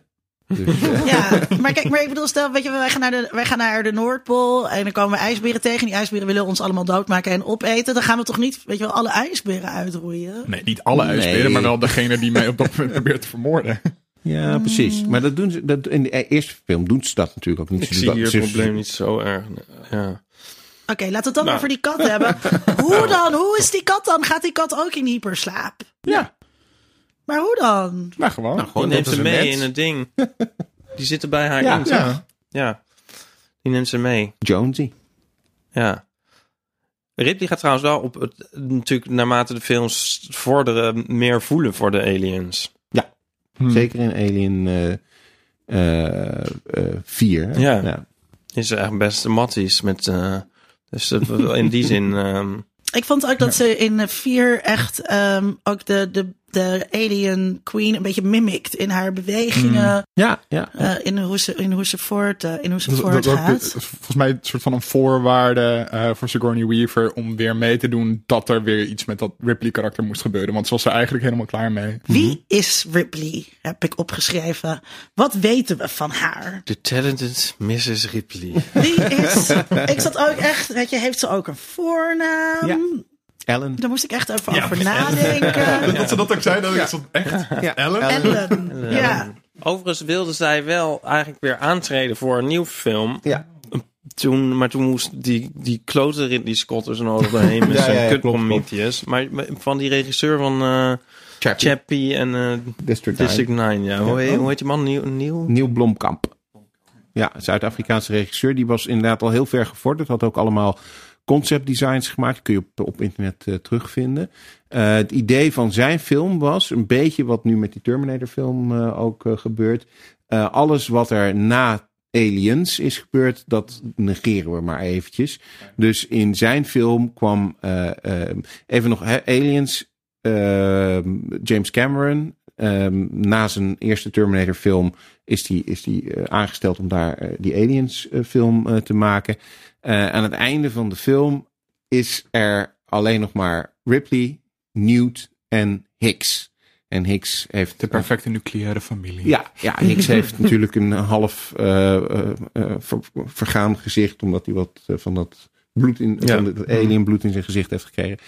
Ehm, en nou ja, in Alien 3 zien we dat ze dus, behalve Ripley gaat iedereen verder dood. Maar in die nieuwe film van Blomkamp was het idee dat Hicks en Newt allebei nog in leven zouden zijn. En dat die dus ook weer een rol zouden gaan spelen in het, eh, in het verhaal. Oké. Maar de vraag was, wie is nou, Ripley? eh, was dat eh, Hicks? Is dat, hoe heet nou? Bean, de, dezelfde acteur die ook in Terminator eh, speelt. Ja, die laatste, nee, hè? De Bill Paxton. Nee, Bill Paxton is overleden. dood. Die zat er ook in. Oh, die zat er ook. Ja. Oh, je zit te denken, want die. Het is zo'n zo'n trivium Speelde dat, hij, dat, dat zijn foto te zien is in deel 3 en dat hij daar meer geld voor heeft gekregen dan voor zijn rol in deel Ja. 2. Ja, nee, dat, dat is ook zo. dat is wel Bill zo. Paxton. Of Ja. is dat die Nee, dat eh, is ook Hicks? Ah, ja, dus, ja, dat vind ik grappig. Oké, maar wie Ja, is, oh ja. wat weten we over deze Ripley? Echt bijzonder weinig. Ehm. ik vond het ook heel gek dat in twee dan ineens ze een dochter heeft. Ja, Ehm, terwijl dat in, voor zover ik me kon herinneren, was dat in de eerste film helemaal. en het doet ook verder ding. helemaal niks in het verhaal. Oh, daar is je dan Ja, behalve dan dat er dan Ja. is van, oh, dan gaat de dochter dood en dan komt ze nieuw tegen en dat is dan een soort surrogaatdochter. Ja, Ja. vind het wel mooi. Ehm, ja, maar buiten dat, Ripley krijgt niet heel veel karakterisatie anders dan dat ze tough as nails is. Maar misschien kan Ja. Ridley Scott dat in een nieuwe film even uit de doeken doen. Nee, maar er Ja. zit heel weinig verdieping in haar, in haar personage. Dus ze, is wel, ze is wel badass. En ze wordt wel ook een- wel meer badass eh, gedurende de film. En je kan haar dus wel zien als een, als een feministische held. Zeker in 1979 Ja. eh, eh, was dat natuurlijk wel veelzeggend. Maar het is wel een plat, ja, een plat personage. Is dat zo? Want in de, in de eerste film vind ik dat er wel vrij veel ontwikkeling in haar zit. Hè. Ze, be- ze begint ehm, ja, als iemand naar wie niemand luistert. Letterlijk niet, want daardoor gaat ook alles eh, mis. Hmm. En op een gegeven moment eh, neemt zij steeds meer de leiding. En neemt zij steeds meer de, de situatie eh, in, in handen. Hè, op een gegeven moment schreeuwt ze ook letterlijk zo van, van hou je bek, luister naar mij. Ehm, en ja, uiteindelijk is zij inderdaad tough as nails en, en, en weet zij te overleven en, en redt zij in ieder geval zichzelf. Eh, dus in die zin zit er wel een ontwikkeling volgens mij in, in, in haar. Ehm, in die tweede film in Aliens, ehm, ja, weet ik niet of er echt een ontwikkeling in zit. Het is meer dat ze dan inmiddels door de ervaring van de vorige Ze wordt al film, vrij eh, snel nogal cynisch. ja, cynisch Ja. wordt. Ja. ja. Ja, En, wat ik ook wel leuk vind. ja. En in de derde film heb je dat weer. En in, Ja, en ja. de- in deel 4 dan verheugt ze zich er ongeveer op dat Ja. iedereen... eh, Ja. Het is gewoon zo van, ah, gaan we weer, lekker. Ja. Wel even, er is het over haar dochter, Amanda Ripley, is eh, nog wel wat te zeggen. Eh, eh, er is een eh, PlayStation game die Mhm. gaat helemaal over. um, eh, nadat de ramp met de Nostromo is gebeurd, eh, gaat Amanda Ripley op zoek naar eh, wat er nou gebeurd is. Dus je probeert antwoorden te vinden. Dan kun je, kun je spel spelen, je krijgt goede recensies. En in de film Aliens, er zit op een gegeven moment een scène in, eh, de special edition, waarin je de foto van haar dochter ziet, maar die is dan een bejaarde vrouw, want Ja. er zit heel veel tijd eh, tussen. En het grappige is dat die bejaarde vrouw, dat is de moeder van Oh ja? eh, Sigourney Weaver. Ah, Leuk. Die speelt dus haar een- dochter. Wat Ja. een aardig weetje. Ja. Ik vond trouwens echt die derde Alien 3, die had ik nog nooit gezien. Dat vond Ja, ik echt, echt heel jammer dat ik hem nu wel had gekeken. Oeh, Dus ik vond ja? ook het script echt heel idioot. En en welke versie heb je gekeken? Want er zijn twee versies. De, de oorspronkelijke bioscoopversie en de zogenaamde Assembly Cut. ik denk dat de paté home dingers wat ik aan het kijken was, dat dat, eh, de- dat, dat eh, De eh, bioscoopversie hij ja. geweest. ja. Maar, dat, maar die- dat verandert weinig aan dat ik, dat, dat ik de hele premisse gewoon stom vond. Eh, klopt, maar in die, eh, het idee, hè, de derde film is geregisseerd door David Fincher. Eh, die kennen we allemaal van, van Seven. Van Madonna videoclips. Van Madonna videoclips, inderdaad. Eh, hij had dus ook voor deze film alleen nog maar videoclips eh, gemaakt. Dit was zijn eerste eh, live-action film. En wat we, wa- wa- wat we weten, omdat er gewoon documentaire over gemaakt is over hoe die film is, tot stand is gekomen, is dat het zwaar kut was. Hij, hij vond het bijzonder moeilijk om, om, om voor elkaar te krijgen wat hij wilde doen. De studio die wilde de hele tijd dingen veranderen. Eh, er waren allerlei plannen die hij had met het verhaal die dan niet doorgingen. En die assembly cut is eigenlijk een poging geweest. In eerste instantie door fans. En later is die officieel ook op de, op de DVD of de Blu-ray eh, release gekomen. Om een soort van te herstellen wat zijn oorspronkelijke plan was. En dat helpt wel, want eh, daar zitten, dat is ongeveer een half uur langer. En er zitten heel veel scènes in waar wat meer karakterontwikkeling in zit van die gevangenen.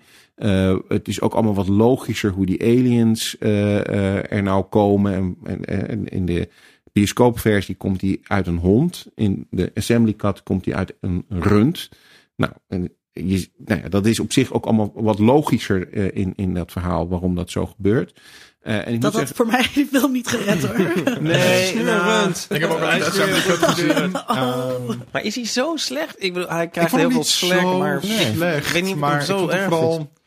gewoon de hele premisse is natuurlijk beetje vreemd van die soort van gevangene planeet met dubbel ei-ei chromosoom, Ja, ja, ja. extra agressieve gevangenen, maar ze zitten in een cult en doen een gekke religie, maar ook weer niet echt. Ik, ja, En ik vond dat het echt heel gek. mensen, dacht ik. Ja. het, het was gewoon heel raar. En dan komt er twee keer per jaar komt een, een, een voorraadschip langs. Maar er komen dus ook nooit nieuwe gevangenen. Ja, maar dat is. Ja, eh, eh, ik weet niet of dat in jouw versie zat, maar in de versie die ik gezien heb, de Assembly Cut, Mhm. wordt dat dan uitgelegd uit, als ja, van. klopt.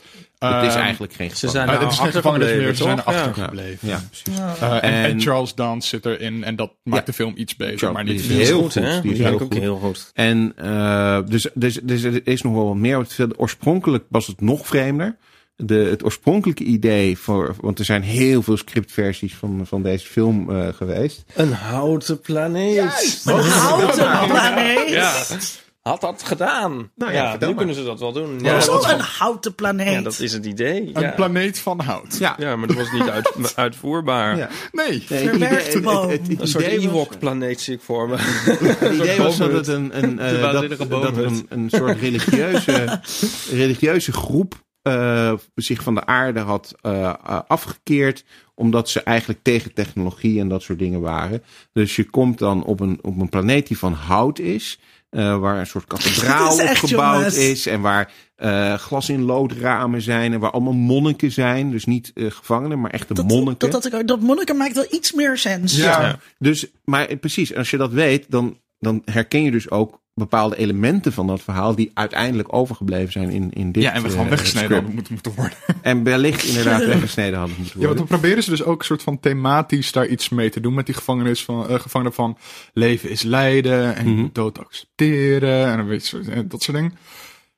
En het doet gewoon niks. Ze hebben het gewoon in de film gedaan, maar het heeft verder niks te maken met het verhaal verder. Het, het is Nee. gewoon heel Maar is raar. David Fincher sowieso niet een beetje een, o- of mag ik dat zeggen, een overschatte regisseur? Dat mag je zeker zeggen. Ik ben niet zo'n fan van David Fincher. Ik ook niet. if anything vind ik Alien 3 waarschijnlijk zijn leukste film. Zo. Nee, nou, onderschat je Seven een beetje. Maar eh, oh, er zat overigens ook nog een andere scène in die eruit is geknipt. Omdat die echt, eh, iedereen die dat zag, die ging over zijn nek. Ehm, Oh ja. ja, ja. Ja, zeg maar. Oh ja, een Newt's autopsie. Ja. Die dus niet onscreen gebeurt in de film. Da- dat is gefilmd. Oh ja? Dus dan zie je Charles Dance een klein meisje uit elkaar snijden Oh. en doen. En...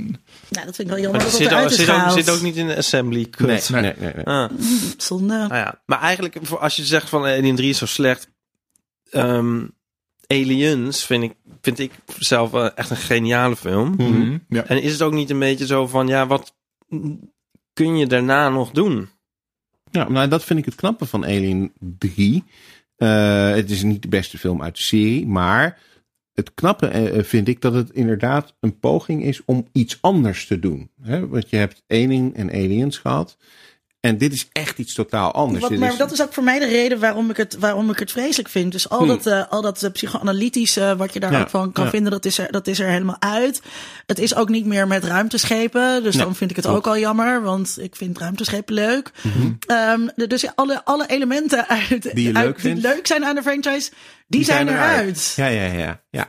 Ja, Hmm. nou. Dat weet ik niet. Het, ehm, ik, ik snap wel wat je bedoelt, want ik vind ook Aliens en Alien leuker. Eh, dus de- daar kijk ik ook Ik vond bijvoorbeeld Alien Resurrection, die had ik al Ja. wel ook gezien. Dat, eh, dat is veel meer trouw, zeg maar, aan het, aan het origineel in toon en in sfeer op een ruimteschip. Toon in toon. Die seksuele ondertoon is Ja. ook weer terug. Het is grappig, wat die andere films niet zijn. Ja, ik vind. Alien Resurrection echt kut. Uh, Oh, ik vond hem wel beter dan dit. Ik vind hem afwisselend. Ik vind a- als de oneven keren dat ik die film zie, dan vind ik hem echt verschrikkelijk. Ja. En de even keren denk ik van, ja, het gaat nog wel. En zo wisselt het een beetje. Maar, maar als je het me nu vraagt, denk ik echt van, oh, dat is echt een, een, een slap in de face gewoon, die Ja. film. Nee, ik vond het echt eh, beter ook dan ik me herinnerde. Ik, ben, ik vind ook Winona Ryder Oh, nee, fantastisch. echt? Ik vind, ik vind haar in deze film echt... mm, Is Ja, die- en die onderwaterscène, die is ook Die is wel- fucking vet. Die is, die is maar goed. is het ja. daar toch, ja, is die zo goed? Ik ja, van- dat, ja. Dat, die vind ik, dat ben ik met Linda eens. Die is goed, omdat dat ook weer iets nieuws Jawel, toevoegt jawel, aan maar dan de- zie je ook weer de CGI. En ik vind Ja. ook het monster veel te veel in beeld komen. En dan eigenlijk, als je dus deel 1 ziet, dan zie je eigenlijk nooit een slecht special effect. En als je dan deel 4 ziet, dan heb Zie je je dat wel. En dat is dan toch triest eigenlijk. Ja, Ja. het begint al met die opening, eh, met die, met die zogenaamde Met die, met die alien die, een- vlieg, die een ja. vlieg eh, blijkt ja, te zijn. Ja. Ja. dan denk je al van, oh, we gaan nu naar een tekenfilm kijken. Ja, ja, ja. Ik, ik Ja, had heel ik- erg met die onderwaterscène. Ik, ik had vroeger als kind had ik nachtmerries van dat ik zwemde ergens onder water en iets zag achter me aan. En Ja. dan wilde ik Mhm. omhoog komen en dan zat er iets op het water. En dan Ja, kon ik ja, er ja, niet uitkomen. Dat zit daar ook in. Ehm, en ik keek Alien Resurrection voor het eerst. En ik had zo'n... Heb ik misschien als kind ongeluk Ja, deze scène in de wel, film ja. gezien of zo? Waarschijnlijk, waarschijnlijk wel. Waarschijnlijk wel. Ik vind het begin dan nog wel leuk met, eh, heet die Brad Dourif? Bert Durf is altijd goed. Ja, dan is het nog wel lekker. Maar op een gegeven moment gaat het los en dan wordt het ook zo'n... Ja, en, en daar vind ik dus echt zo'n een soort kolderieke bende die in dat schip... Het is, Ja. ja. Ja, en kan ik ben, toch niet? ik- maar dat, dat, ik had het volgens mij op de app met Linda over, of, of met iedereen. Maar in ieder geval, ik ben geen fan, zoals jij geen fan bent van eh, David Fincher. Ik ben geen fan van Jean-Pierre eh, Ju- Jeunet. Ik, Ik vond het heel raar dat hij een Alien film gemaakt had. ik Ja. hou niet van zijn films, ik hou niet van zijn stijl. Ik hou niet van, eh, ik vergeet de naam van die, die, die acteur die in al zijn films zit, Ja. hier in de rolstoel. Vreselijk. Ja. Hou die thuis. Ik, ik, vind, ik, vind het, ik vind het helemaal niks. En ehm, daardoor werkt het voor mij ook niet eh, in, eh, in Alien 4. Ehm, ja, nee, ik, Ron Perlman. Zei? Ron Perlman. Ron Perlman, Ron Perlman, ja. kan leuk zijn, maar ook, Ja. ook die werkt niet. Nee, die uit de Nee, eh, nee, nee, nee. Mismatch. Nou, ja. Oké. Ja, en, en op, dan uiteindelijk dat soort gekke, viezige wezen dat daar eh, ontstaat. Want daar die kan tegelijkertijd dat maar heel erg repulsive is, maar Ja. ook wel een beetje zielig of zo. Door die Ja. ogen die Ja, hij dan ja, heeft, ja. die dan moet te expressief zijn. Ja. Maar, maar dat was voor mij, en ik kan me nog herinneren dat ik die, deze film inderdaad in de bioscoop heb, eh, heb gezien. En eh, nou ja, dat ik sowieso al niet erg onder de indruk van de Mhm. film was. Maar toen op een gegeven moment die newborn, hè, want zo wordt die genoemd, eh, in beeld kwam, toen dacht ik echt van ja, dit, hoe kun je dit nou doen? Ja. Dit heeft zo totaal niets te maken met de alien die we gewend zijn. En het ziet er zo dom uit. Ja. Met, met, met, met, en dan ook eh, een soort hang- hangende borsten hangen Ja, er dan aan oh en zo. Ja. Echt, nee. Ik vond dat En zegt hij nou ook nog een mommy? Ja, ja, ja. Laten, we, laten we even eh, naar eh, de rol van de androids Ja, ja. ehm, gaan. leuk, ja, leuk. Ash, Bishop, eh, Cole, David en Ja, Walter. A, B, C, D, W. Want dat is, ze hebben namelijk eh, A, B, C en daarom moest David met een D beginnen. En vervolgens komen ze dan met Walter. Heel raar. Een soort Edward. Ja. Maar ehm, eh, daar zit ook een duidelijke ontwikkeling Mhm. eh, eh, in. En die verhouding van de mens tot die androids, die is denk ik betekenisvol. Ja. Eh, nou, ga je gang. Zeg er maar iets over. Nou, Ipe. Ehm, Ja, als Android-expert. Ik vind dit echt zo'n Dan Hessler Forrest vraag. Ehm, is die behouding betekenisvol? Ja, ik, in, dat in weet- de latere films wel. ik zit even te denken, want het in, in deel 3 is er niet echt één, toch? Dan komt, ehm nee, komt, dat is eh, ook komt slecht hij- aan komt hij- Alien 3. daar komt hij zelf. Ja, maar dat vind ik dan wel weer tof, dat hij dat is. Ja. Ja. Maar ik vond dus, dus ehm, Ash is zeg maar niet te vertrouwen, terwijl Bishop juist weer heel ondersteunend en oké Mhm. is. Ehm, en dan en Winona Ryder als Cole heeft, is wel ook ja ik vind dat dus een interessant personage. Ja, ik vond dat heel erg, heel erg afgeraffeld aan het einde van.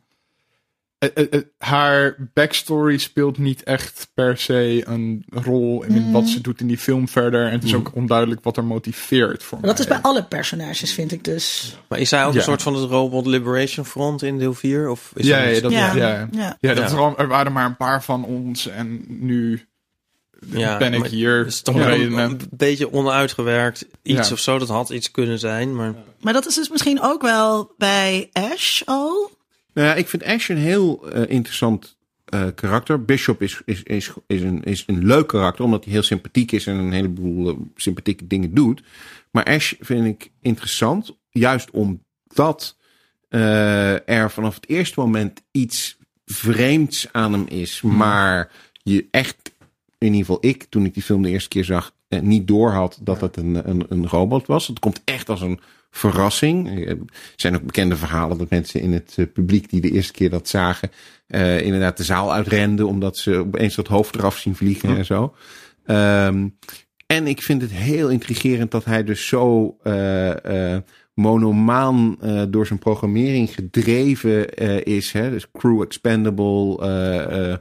Eh, eh, ehm, Wat heel logisch is voor Ja. iemand die niet een iemand is, maar gewoon geprogrammeerd een machine. Ja, ehm, en Ja, maar dat zeg je, maar ik heb niet het idee dat... Bijvoorbeeld Bishop eh, is echt... En ja, Ash misschien nog wat minst, maar het zijn wel ehm, personages. Ik bedoel, ook voor Mhm. zichzelf. Het zijn niet... Het zijn niet machines die Het zijn doen geen tosti-ijzers. alsof- Nee.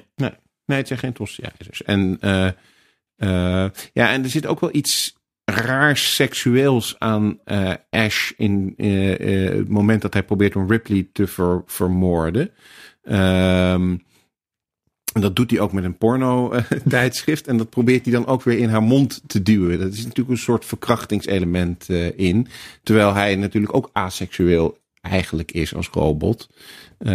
Ook een heel nou ja, daar kun jij misschien, Linda, meer over vertellen hoe, dat nou, hoe we dat moeten interpreteren. Maar ik, ik, vind, ik vind dat altijd heel apart. Van, van, het is eigenlijk iets helemaal niet seksueels, een robot. En tegelijkertijd gebeurt er dan dit gewelddadige seksuele. Ik denk dat robots wel degelijk eh, Wel seksueel eh, zijn. eh, seksueel zijn. En eh, eh, dat hè, dus alles, als het nu gaat over de robots komen, dan Mhm. zijn mensen bang dat ze hun baan aan robots verliezen. Dat is het eerste. en het tweede is dat ze hun partner aan robots verliezen. dus Ah, er is ja. enorme angst voor seksrobots. Seksrobots. Daar is Ja. een ja, leuke ja, ja. aflevering over van, van- onder Ja,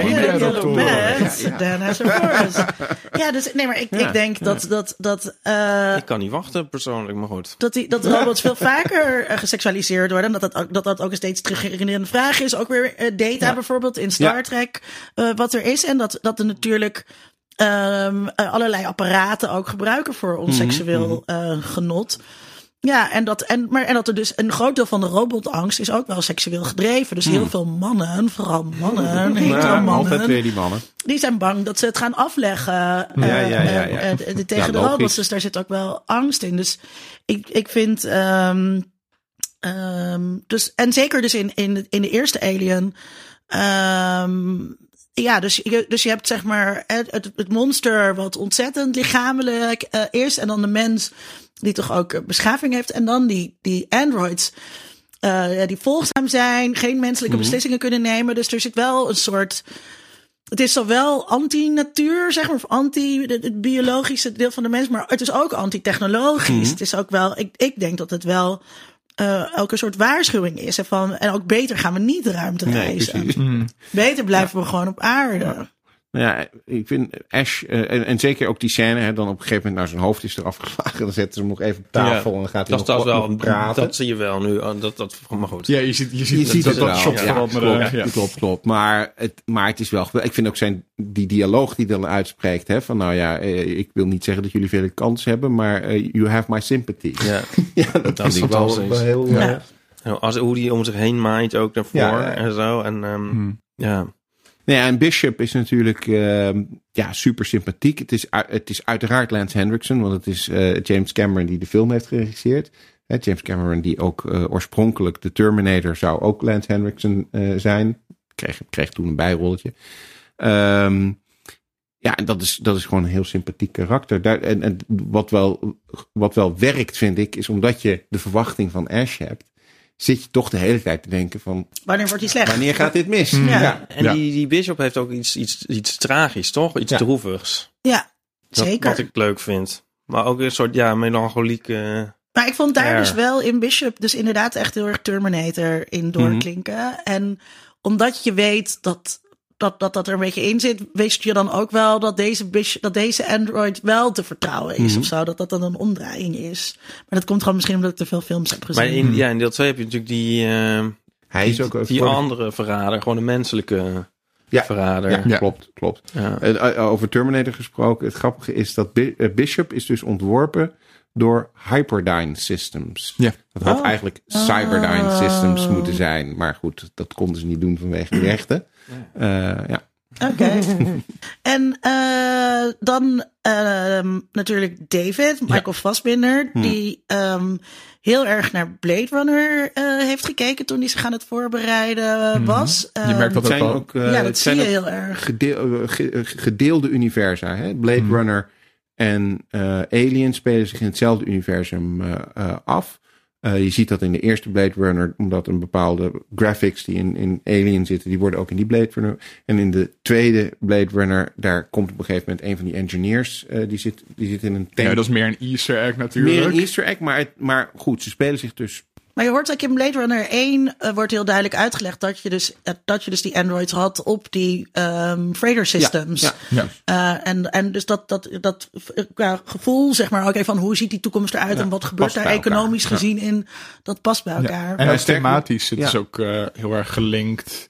Natuurlijk vooral de, de, nieuw, de nieuwe films Prometheus en Alien Covenant Ja. zijn soort van thematisch dichter bij Blade Runner. Er heb ik wordt het letterlijk idee. iets gezegd over waar eh, Michael Fassbinder van droomt. Ja, klopt. En, het En- openingsshot van To Covenant. Dream of Ja, Electric ja, ja. Fish, ja. Zit dat Nou, nog, hij de- zegt, hij zegt echt iets van eh, I dream of... eh, op, ja, ja, dat die ene hij zegt dan droomt. I don't dream en die ander zegt dan... En, en David zegt dan I dream of...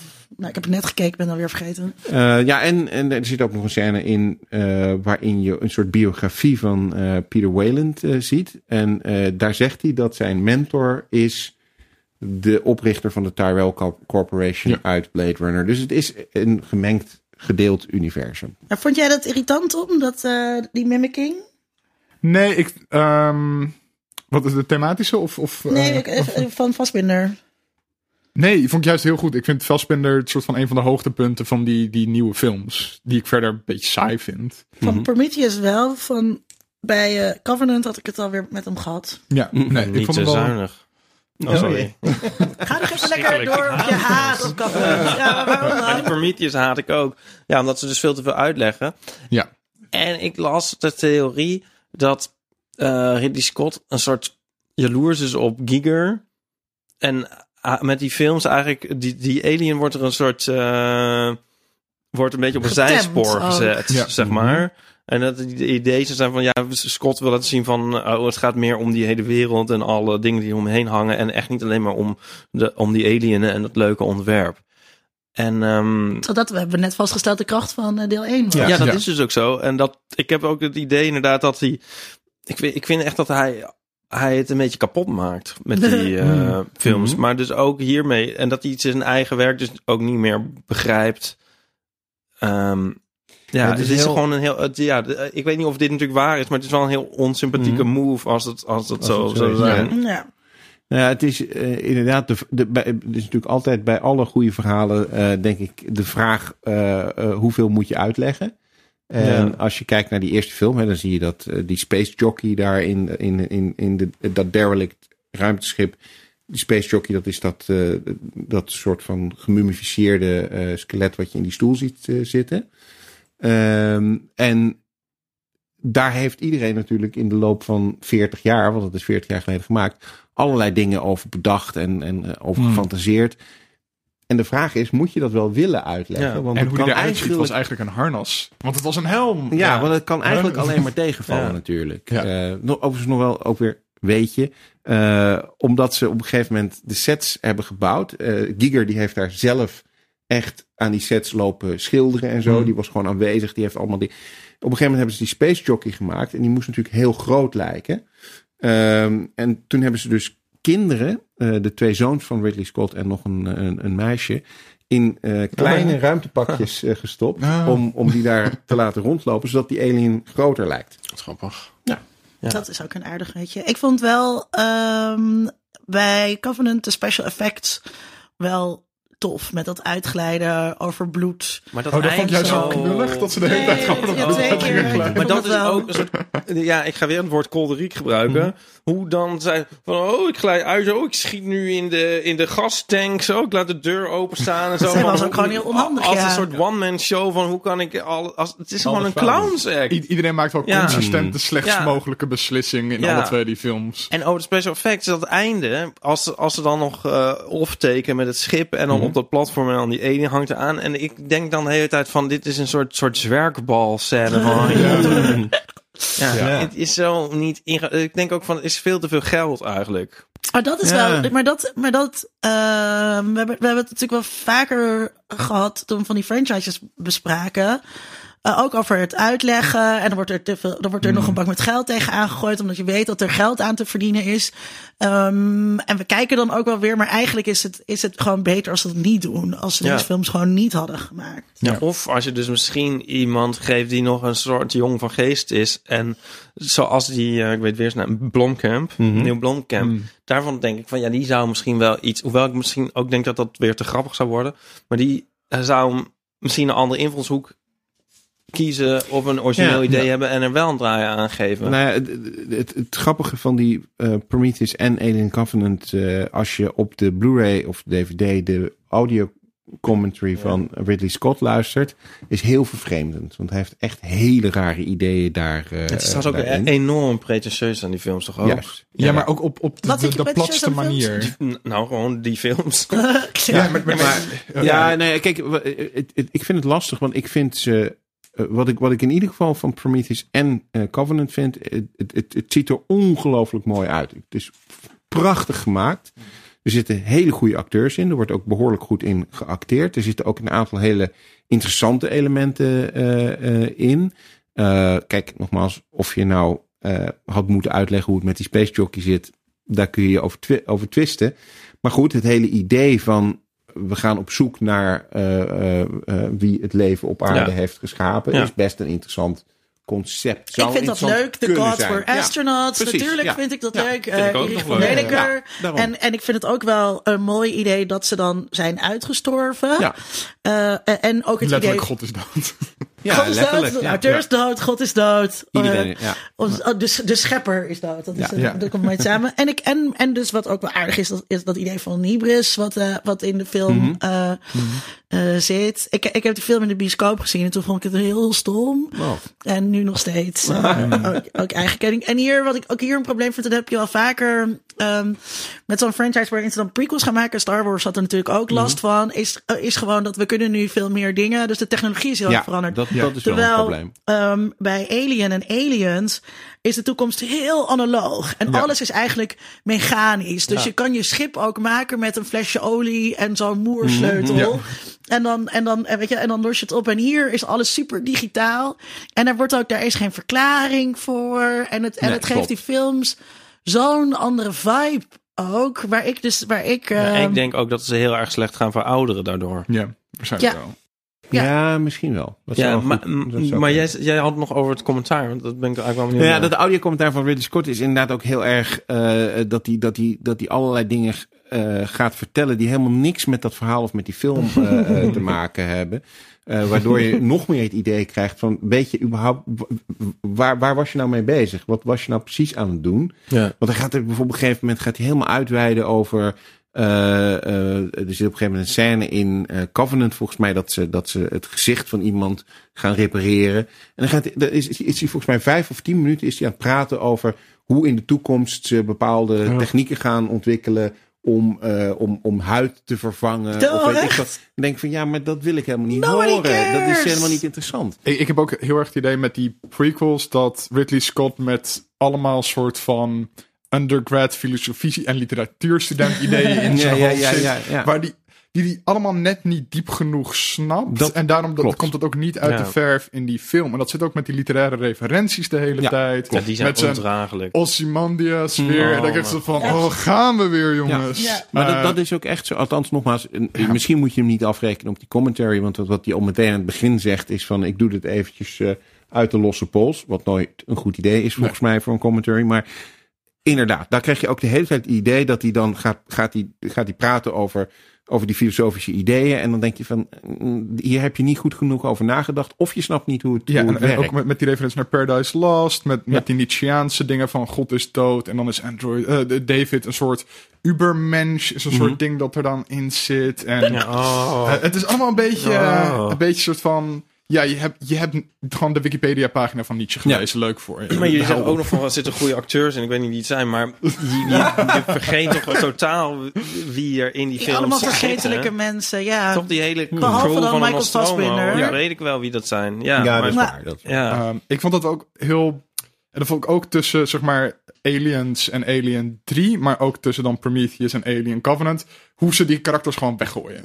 Dat vond ik heel soort van heel gek. Dus de, bij Prometheus, die hoofdrolspeler, komt dan weg. Elizabeth Shaw. Ja, Elizabeth Shaw. Dr. Elizabeth Shaw. Ja. ehm, Ze noemen elkaar de hele tijd dokter. Ja. Ja. Dat kan, waarom Yes, noemt iemand dokter, me yes. nooit dokter Duits? ehm. Oké, Dr. Duits mag je. Ehm, nee, maar. En dat ze dan eigenlijk gewoon zo van. Oh ja, ze is doodgaan, dus de film maakt niet uit. Ja, Ehm, heel bizar. ja. Ja. Nou ja, het, ehm, en het, gra- het grappige is dat ik toch nog steeds vind ik het best aardige films, omdat ze er wat mij betreft inderdaad in ieder geval erg goed. En er zitten net, uitzien. dat irriteert me er vindt bijna aan. Promet- Prometheus wel een goede film? Nou, goede film. Ik Nou, je aardige ik heb hem dus ook in mijn Een leven. Ik heb hem volgens mij drie keer gezien. Ja, nou, En, dan kan, ehm, ik kan er dus ook echt gewoon drie of vier keer naar kijken. Ja, alleen eh, ja, dat irriteert me dan bijna. Want ik, ik zie dan wel een paar gave dingen. En ik zie Ja. ook nog wel net een paar gave ideeën in Mhm. en zo. Maar dan uiteindelijk denk je van, oh nee, Klopt, maar ik ben er toch weer een soort ingetrapt. En Ja. Covenant Ja. heb ik twee keer gezien. Maar toen, de, die, ik neem me echt heilig voor daar nooit meer naar te gaan kijken. Want dat is gewoon... Maar ga je wel naar de derde film kijken? Ja, maar komt Als die die er komt. Ja, Ja, wel waarschijnlijk wel. Disney heeft wel gezegd dat ze... Nu hebben ze ehm, Fox. Fox overgenomen. En Disney heeft wel gezegd dat ze gewoon Alien films gaan Dis- blijven Disney heeft nu Weiland Yutani overgenomen. Ja. Ja, want daar, daar moeten we het is een. Even Maar voor- voor- over- voordat we dat over doen, nog even voor, eh, want een van de dingen die, die ik ehm, jammer vind aan, die, aan Prometheus en, en Covenant is dat ze ehm, het eigenlijk te ver hebben afgebracht van waar het om ging. Mm. De, de- die, die, die, die wezens die op een gegeven moment in eh, Prometheus eh, ontstaan, dat zijn ook geen xenomorphs. De xenomorphs die kennen we uit Alien, Aliens, et cetera. Maar dat zijn neomorphs. Ik heb daar van- net Wi- Wikipedia-pagina Ja, nou, van gelezen die heel uitgebreid En is. heel complex. En, En toen dacht ik, jeetje, mensen, ja, en dat, kinderen. dat, dat volgt volgens mij helemaal niemand, kan dat begrijpen. Nee. Niemand begrijpt ook waarom ze er allemaal zo anders uitzien en waarom het opeens En allemaal anders nieuwe, En want is. het was soort al van zo'n ingewikkeld wezen. Ja, en dat wat zijn dan gemuteerde een- wormen, Ja, blijkbaar. maar wat, wat op zich een fantastisch mooi concept is. En wat ook best nog wel schokkend is als die arm dan zo eh, gebroken wordt Ja. en zo. Alleen het wordt niet goed uitgelegd. Je zit de hele tijd te denken van je, eh, maar wat, de verkeerde dingen worden te veel uitgelegd Ja. in de prequels. Maar en, en ehm, wat, er, wat er dus ook niet meer in zit, wat in die eerste films wel heel duidelijk zit, is dat idee van die arbeidslui, Ja. die eh, eh, nou eenmaal het lot hebben dat ze deze ruimtereizen moeten ondergaan. Dat doen ze ook niet voor hun lol of zo. Hè. Dit is het, het werk wat ze doen. Het is een hele dreigende, duistere wereld. En dat vind ik ook bij Prometheus eh, en Covenant. Is dat helemaal weg Ja. of zo? Het is gewoon een soort nietszeggende toekomstwereld. Ja. Klopt. Ja, dat hebben ze gek genoeg wel. Want er zijn eh, zes korte Alien films gemaakt. Omdat het nu 40 jaar Alien eh, is. Die kun je op YouTube eh, kijken. En daar zit dat wel heel erg in. Dat zijn heel duidelijk fans van de films. van de oorspronkelijke films. Die ook geprobeerd hebben om in die korte films die sfeer... Van de Nostromo, van werklui en dat soort dingen. Om dat weer terug te brengen. Ja, het zijn, het zijn films van 15 minuten. Ja? Eh, Vijf, vijf tien? à 10 minuten. Eh, eh, en eh, ze staan op, op YouTube en op Vimeo, denk ik. Op, nou, op dat soort eh, kanalen. Die zijn een soort Het officieel. zijn officiële eh, Ja. films die gemaakt zijn voor de 40ste verjaardag van Alien. Dus een soort wedstrijd uitgeschreven. Waarbij jonge filmmakers de kans kregen om dat te doen. Er waren een paar richtlijnen. Je mag niet de eh, Ripley en Dallas en dat soort figuren gebruiken. Je mag ook niet zeggen van nou, Dallas zou dat nooit gedaan hebben. Het moet een origineel verhaal zijn, maar wel binnen, de, binnen het universum van Alien. En daar heeft iedereen echt gekozen voor, voor, voor mensen die in een mij- mijn werken en dan Ja. aliens te maken krijgen. Of een, eh, er zitten ook robotverhalen in. Het is echt wel, wel leuk om heel even te, eh, snel, snel te kijken. En zie je dan ook een idee van waar je ermee naartoe had kunnen gaan? Ja, maar het zijn wel echt korte verhalen. Ja. Het zijn, het zijn, eh, er zitten een paar verhalen bij waarbij, waarbij je inderdaad denkt... oh, hier zou nog wel een hele film achter kunnen, kunnen komen. Maar het zijn wel korte verhalen. Maar, dat is, maar dat is dus precies wat we graag zouden willen zien. Jonge mensen die dan Ja. met die ideeën aan de slag mogen. In plaats Ja. van Ridley Scott. Ja, en ik denk toch eh, om het een beetje klein te houden. Dat, dat zou mijn advies zijn aan een alien filmmaker. Van Maar breng het ik weer denk dat je die korte films leuk vindt, want dat Ja. doen ze allemaal wel. Ja. Ja. Maar eh, er, er, er is dus de corporation. Ja. En er zitten ook corporations corporation. achter eh, eh, deze, deze franchise. Is, ehm, is, is zeker aan het begin voel ik wel ehm, een, een anticapitalistische eh, toon daarin zitten. Anti-overheid, anticapitalistisch. Die dus later ook verdwijnt. Ja. Komt dat misschien ook door de grote filmhuizen? Nou, het viel me net nog op in dat uurtje. We hadden nooit eerder zo erg gezien dat ze de hele tijd over geld aan het zeveren zijn. ja, Ja, van oh, we krijgen wel onze share en oh, dan willen we meer en zo. En dan dan gaan we door. Ja, en in twee is dat ook. En in vier heb je natuurlijk die mercenaries. Eh, en later is dat, is dat helemaal weg en wordt ook alles dan gewoon makkelijk gefinancierd. Het zijn trouwens ook hele grote schepen trouwens. Ja. Het is Ja. nooit efficiënt ingericht of zo. Eh, maar zou dat, zou dat zo kunnen zijn dat die, dat, die, dat die kritiek op het kapitalisme eruit moest? Ik weet niet of het eruit moest of dat Ridley Scott gewoon daar niet meer in Nee. Zelf heel veel geld ging geïnteresseerd- verdienen. maar Al het is 40 natuurlijk jaar een beetje miljonair. hypocriet voor Ja, een, een, dus een die is dat kwijt. multimiljonair filmmaker die in een gigantische villa woont ergens in Hollywood waarschijnlijk. Om een beetje een anticapitalistische film te maken. Dat is ook het punt met eh, Wayland. Zijn fout is zijn soort van hubris. Maar niet het feit dat hij een biljardair is die blijkbaar Mhm. space expeditions kan funden met een knip van zijn vingers. Ja, maar niet een, ge- een gedisciplineerde crew kan samenstellen. Maar dat, dat managementtalent is verloren gegaan in de toekomst. Ja, maar dus, dus het probleem met hem is niet zeg maar, zijn, eh, eh, dat hij kapitalist is aan zich. Of dat hij biljonair Ja, is. Terwijl dat, dat in is- eerdere films wel meer... En eh, dat trouwens met die crew, dat is dus in eh, Alien heel logisch dat het een samengeraapt eh, zootje is. Want, Klopt. want zo, zo heb je ook op een bouwwerkplaats, kan ik me voorstellen, dat dat ook zo'n beetje Klopt. is. Ja. Ja. Ja. met die Marines vind ik dat ook al problematisch. Ja, ik, ik heb daar meer het Nou. idee dat je met, met een soort Band of Brothers-achtig idee hebt. Want ze ook een beetje aan het bollen zijn met Nee, elkaar. maar ik vind het dus daar. Ik, dan ging ik het dus gek vinden dat ze dus uit die slaap komen en elkaar niet kennen. En dat ze dan zo'n beetje naar Ripley zitten te kijken van eh, wie is die maffe vrouw? Eh, waarom, zijn, waarom zijn we hier eigenlijk? Wat gaan we ook weer? Oh, we gaan diep de ruimte in. We hebben heel lang in hyperslaap gelegen. Ja, Word je dan gewoon ingevroren op aarde? Is dat het idee? Ja, en ik vind het op zich niet zo problematisch, omdat het hele idee volgens mij is dat die, die Marines, die soldaten, die zijn daar om een opdracht uit te voeren en die hoeven. eh, Dat is een beetje need to know eh, Ja. idee. Dus ze hoeven ook niet alles te weten. Als je als Ehm. Amerikaanse soldaat nu naar Soudaan gestuurd wordt of zo, ik zeg maar wat, dan weet je waarschijnlijk ook amper waar je, waar je naartoe gaat. En, en onderling hebben die mariniers wel een hele duidelijke band. Hè? Dat zie je Dat onmiddellijk als ze, als ze uit eh, die cryo-sleep komen. Dat is ook eh, bewust in, in de voorbereiding is dat erin gebracht. Dus ze zijn echt getraind door militairen en ze hebben als groep getraind. En als Ja, en de rest was daar niet bij. Dus dat is De Ripley. rest ja, inderdaad. eh, Sigourney Weaver was daar inderdaad niet bij. Dus, eh, dus dat, dat, dat creëert nog meer die sfeer van wie is zij en zij hoort niet bij ons en zij is niet van onze groep. Vond ik niet zo storend. Hmm, ja, ik dus wel. Over, maar over, over geld en corporaties gesproken. Eh, Ik heb dus ook gelezen dat de Alien vs Predator films meer hebben opgebracht dan de hele Alien franchise. Serieus? Ja, ik kan me dan, dan nooit echt voorstellen. Ja, zou dat nou waar? Zou dat A waar zijn? Ja, dat zou wel waar zijn. En B, jij zegt geen B. Omdat ik, Zou omdat dat ik, ik, weet- ik nog toen Alien vs Predator uitkwam, dat je hebt gewoon heel veel mensen die echt film zijn van die Alien-reeks. En mensen die echt heel erg film zijn van die Predator-reeks. En die het hele idee van die crossover zo fantastisch vonden. Ja. En, die, en, en ik bedoel, wij zitten hier nu een beetje te neuren hierover. En, en Sydney heeft leuke weetjes over de productie. en we praten een beetje over literaire verwijzingen die erin zitten. Maar heel veel mensen willen gewoon slash en gore zien. En dat is wel wat Alien vs. Predator beloofde. Waar heel veel mensen voor naar de bioscoop willen komen. En dat doet het dus ja. niet eens. Want het is echt een hele saaie film die niet eng is. En, eh, Nou, die, die eerste, Eerste ja, gaat wel. zeggen, die eerste Ja, is beter dan de tweede. Eh, die, die tweede is, is, is, is echt heel slecht. Die die heb ik ook eerste, niet gezien. Eh, de, eh, tweede heet ook heet Alien vs. Predator Requiem. Ik weet niet waarom, maar Oh, goed. ja. Oh, ja. Eh, dat was ook heel pretentieus. Precies. Ja. Eh, maar die eerste film, daar zit dan nog wel. Hè, er is, eh, dat, ik, ik vind überhaupt. Ik hou ook van Indiana Jones. En ik hou Ja, ook ik van. vond dit- ik vind het dit- hele idee is van. ook- Er wordt een tempel gevonden Ja. op Ja, ja, ja. Antarctica. En daar zit dan een verhaal achter Ja. dat die aliens al eerder in eh, de geschiedenis van de aarde Ja. er geweest zijn.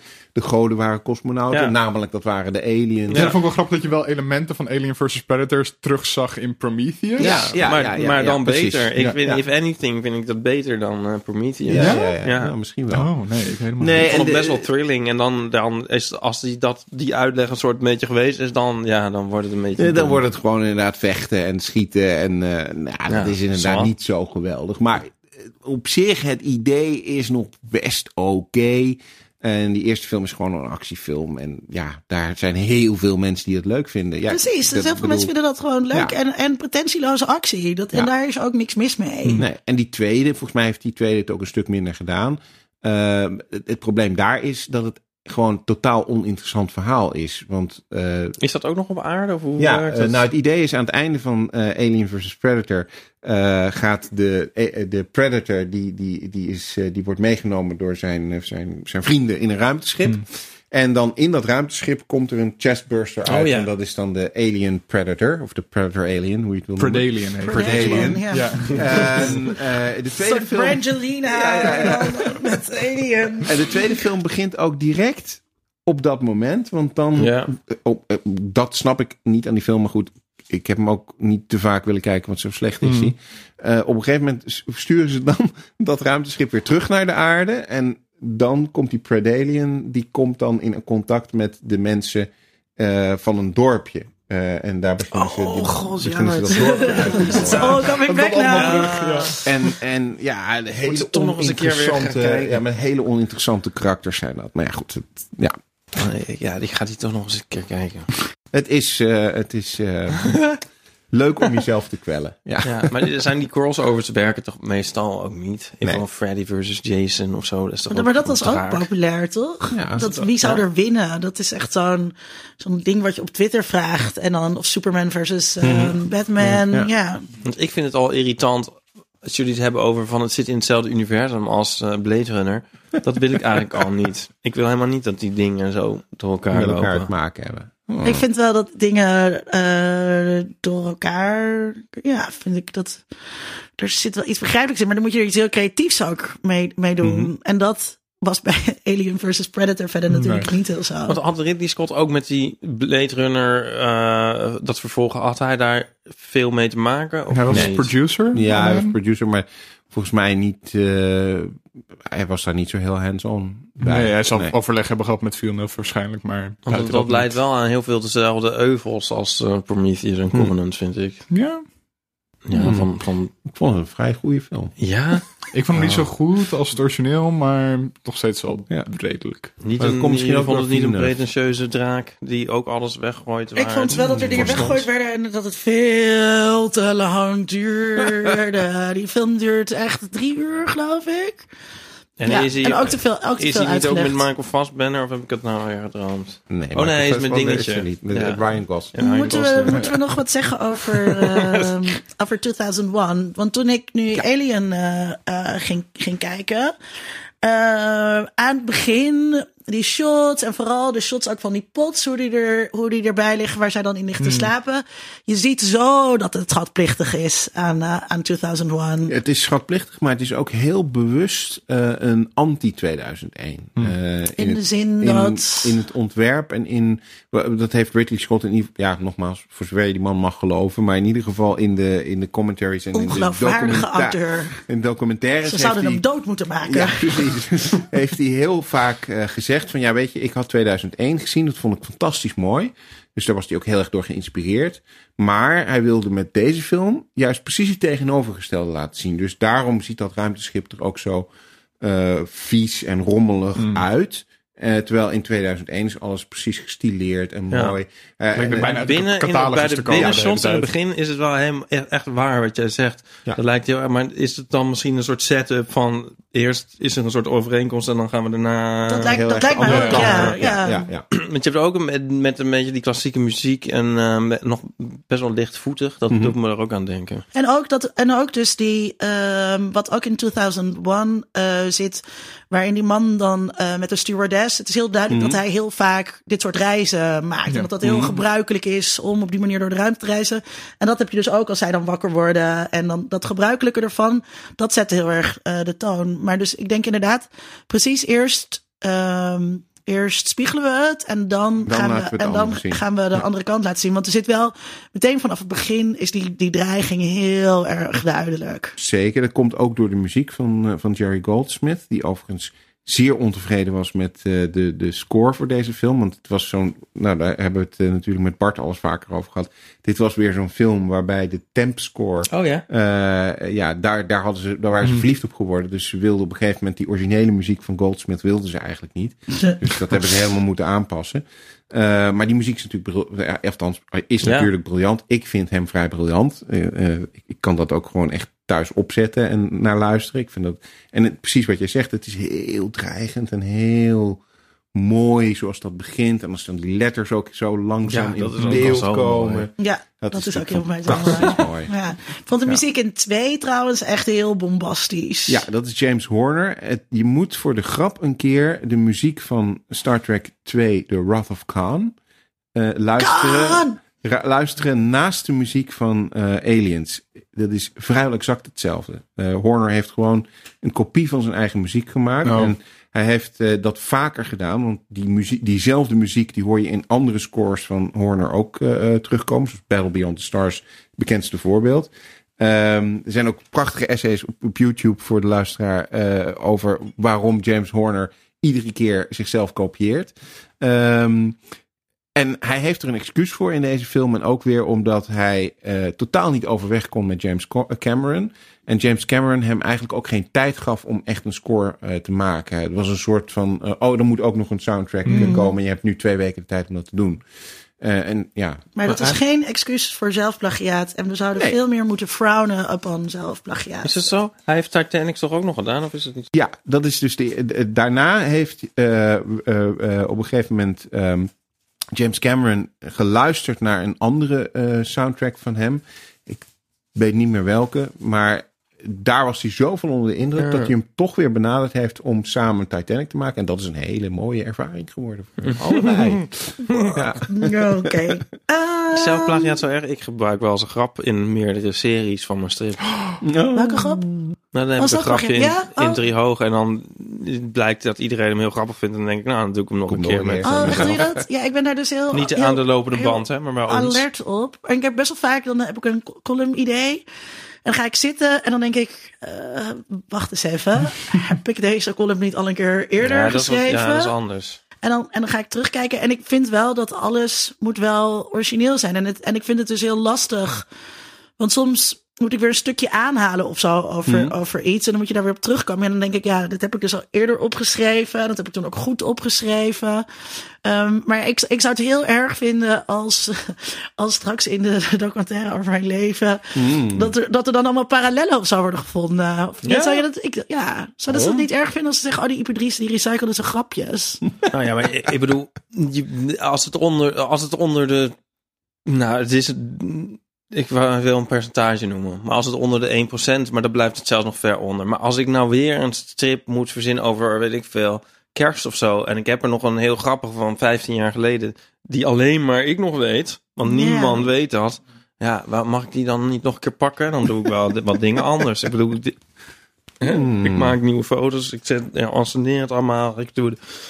Ik vind dat wel kunnen, ja. Dat is eigenlijk een Omdat je, dat maar, omdat je dan denkt dat je biograaf zegt nee, maar dat heeft hij toen, toen Ja, heeft hij maar, dingen ja, maar je kan dan ook, ik bedoel, eventueel mocht er iemand zijn die ze naast elkaar legt, kan, kan, die kan dan zien van, hé, hey, hoe is dat nu? Ja, en ja, eigenlijk is dat toch ook, ik bedoel, zo'n hele franchise is ook een soort vorm van zelfplagiaat. True, Ja, zeker. Ja, dat, Ja. Is, dat is helemaal waar. Eh, eh, waarom, eh, want de- de- twee, drie, vier weken, een maand geleden, weet ik niet, kwam er eh, het bericht dat een middelbare school in Amerika een toneelstuk heeft Oh ja. gemaakt Oh ja. van Alien, van de eerste Alien film. En dat is helemaal viraal gegaan. Sigourney Weaver is op een gegeven moment ook bij een van die, tentoon, bij, bij een van die voorstellingen geweest om een soort, eh, nou, ze te feliciteren daarmee. Hè, dus dan zie je, de, de hele film wordt nagespeeld door kinderen van eh, 12, 13 eh, jaar. Dat is nou, heel leuk om, om even te bekijken. Ehm, maar hoe, hoe kan dat, dat na 40 jaar die film, eh, nou, en de franchise, maar in ieder geval de film eh, nog populair is, dat wij het erover hebben, maar dat er zelfs dus gewoon een toneelstuk door kinderen op een school eh, van wordt. Omdat het vrouwelijk lichaam en haar capaciteit te baren het ultieme objecte is. tegenovergestelde van de. Nee, ja, Oh, omdat, omdat het. Omdat het. eh, omdat eh, het, het monster, die alien. Zo inspeelt op hele fundamentele angsten die, die wij hebben. En ja, dat zijn fundamentele angsten. Die hadden we toen, die hebben we nu nog steeds. Ja, hebben we ook nog, hebben we de parallel al getrokken met Halloween? Hm? Want dat is toch ook een beetje, het is ook een soort slash, slasher in space toch eigenlijk, slasher, ja. met een eh, sterke vrouw. Die, eh, Ja, ja, ja. ba- Final girl. eh, De final girl die, die je dus eh, primaire angsten ehm, het hoofd biedt. Ja, ja, Ja, het is Oké. in die zin een super, super helder, simpel verhaal. Alleen dan met een heel vette art direction. ja.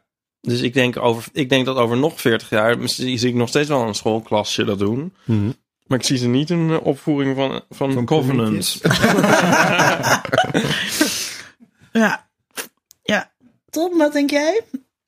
Wat denk ik? Waarom het, waarom Oh, ja. het, eh, waar- waarom het zo, eh, nog steeds zo populair is na 40 jaar of zo Ja, aanspreken? ik, ik denk dus inderdaad gewoon wat, wat Ipe zei, dat het zo'n simpel verhaal is. Het probeert niet meer te doen dan dat ene verhaal te vertellen. Wat dus het probleem is met al die prequels nu, dat ze echt hele grote ideeën willen doen. En nee, gewoon Alien is een simpel verhaal. Er is een alien, hij wil je dood, hij is eng. Ja, zou, zou, zou dat nu nog gemaakt kunnen worden?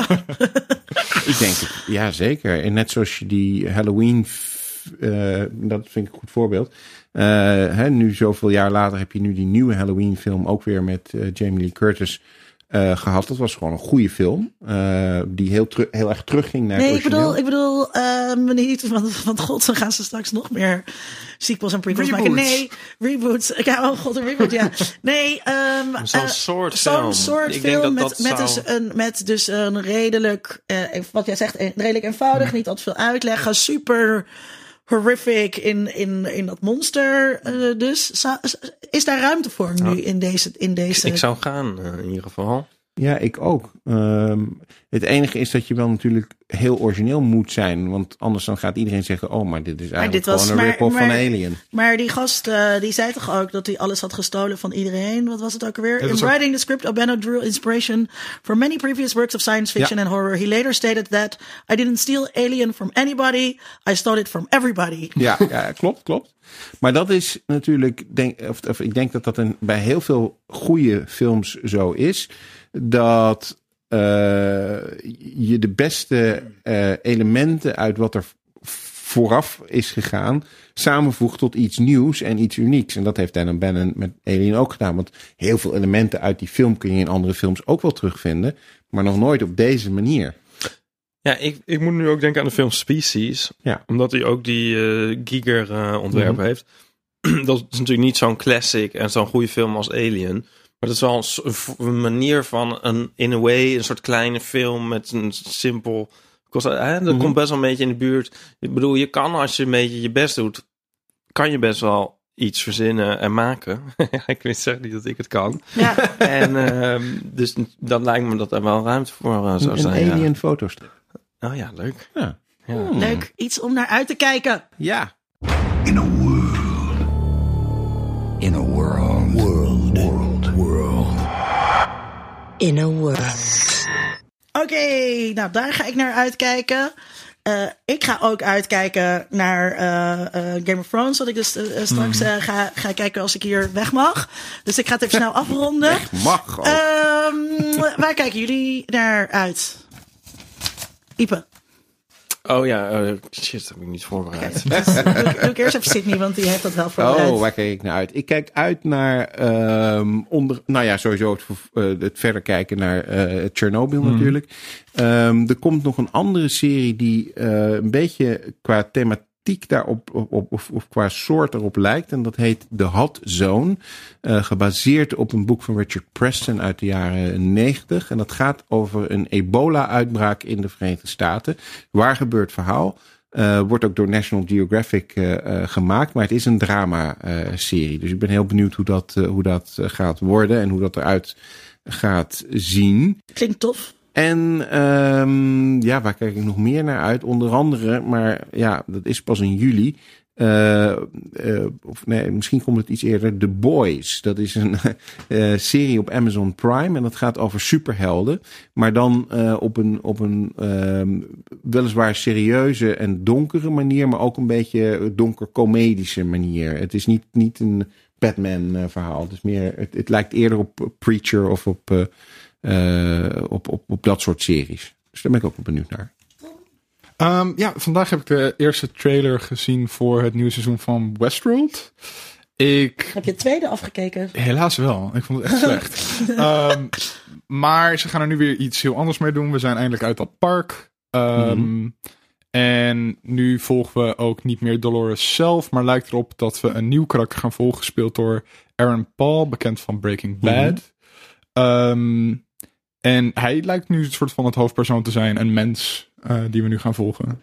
Dus ik ben wel benieuwd wat ze hiermee gaan doen. Ik weet niet of het goed gaat worden of wat dan ook. Maar ik ga het wel weer kijken. Ipe, heb je iets bedacht? Mag het muziek zijn? Dat mag. Tuurlijk, ja. ja. Ik kijk uit naar aanstaande vrijdag komt het nieuwe album van Morrissey uit. Californian Sun. Mhm. Sun, Sun. Zoon. Zoon van Californië. Wat hij niet Ook is. wel bekend van het eh, eh, vampierenverhaal. Let the right one in. Morrissey, oh ja, Ja. ze zijn, eh, ja, Let the Right One Slip In. Ja. Ja, Kijk, laat het Ja. aan Sydney over om het ja Kiki om het even bruggetje, rond te. Kiki bruggetje vinden. Ehm, nogmaals, eh, 22 juni staan wij dus op het Tech Podcast Festival. eh, met allemaal andere nerdy, tech-achtige podcasts. Eh, in de Bali is het, je kunt je kaartjes kopen op debali.nl. Ehm, maar eerst gaan we nog een volgende aflevering maken. En die gaat uiteraard over Game of Thrones. Yes. Over twee weken eh, gaan we die doen. Ik heb daar heel veel zin in. Ik ook. Mhm, Ik ook. Ik zeg, chaos Ja. is a ladder. Eh, En dan die serie moordenaar aflevering? Ja. Nee, Nou, dan gaan we, dan gaan we dus hebben over nog representaties van Ja. nerds. En Oh, dan... ja. En dan... dan, en dan doen we wil de jij weer serie komen. moordenaars Nee, voor... nee, dat wil ik gewoon horen. Oh, dat wil je alleen horen. Ja. Hmm. Ik weet er ook niet Maar alles ken je van. nog een serie moordenaar die we kunnen uitnodigen? Of, eh, Vincent. Vincent wilde graag. Ja, moordenaar. ja, Oh, en het ja. zal mij niet verbazen als hij ook serie geheime... moordenaar. Ja, Nee. ja, ik zoek ook wel Vincent luistert toch nooit, dat kunnen we gewoon zeggen. Ik wil wel een keer komen, eh, nog een keertje terugkomen als, eh, als jullie de X-Files gaan doen. Oh ja, dat vind ik een hele goeie. Dat vind ik een hele goeie. Die gaan, we, meteen, gaan we op de lijst. Dan moet ik dat... Dan, nou, oké. Mag je het allemaal gaan kijken? Ehm, even kijken, dit is ook het moment waarop we zeggen dat we het heel leuk vinden als je iemand anders vertelt over onze podcast. Want laatst, mooi onderzoek uit Canada, eh, waar het blijkt dat mensen het meest andere podcasts leren kennen op basis van ehm ehm, mond-tot-mond reclame. Dus vertel iemand in je omgeving die van podcast luisteren houdt over geeky dingen. En like ons natuurlijk op alle kanalen. Twitter, Facebook. Dat was het. Soundcloud zijn we op te volgen. Oh ja. Instagram? Zitten jullie niet op. Instagram? Zit op Zit Instagram. op En ook Instagram. op Ja, die houdt Ja. dat, Ja. die, die houdt dat bij. Wij, zitten- Tom en ik zitten ook op Instagram. En jij zit op zit op Instagram. Iedereen zit op Instagram. Ja. Volg ons ook daar, want dat is hartstikke leuk. Ja. En geeky. Oké, tot de volgende keer. Dit was Geeky Dingen.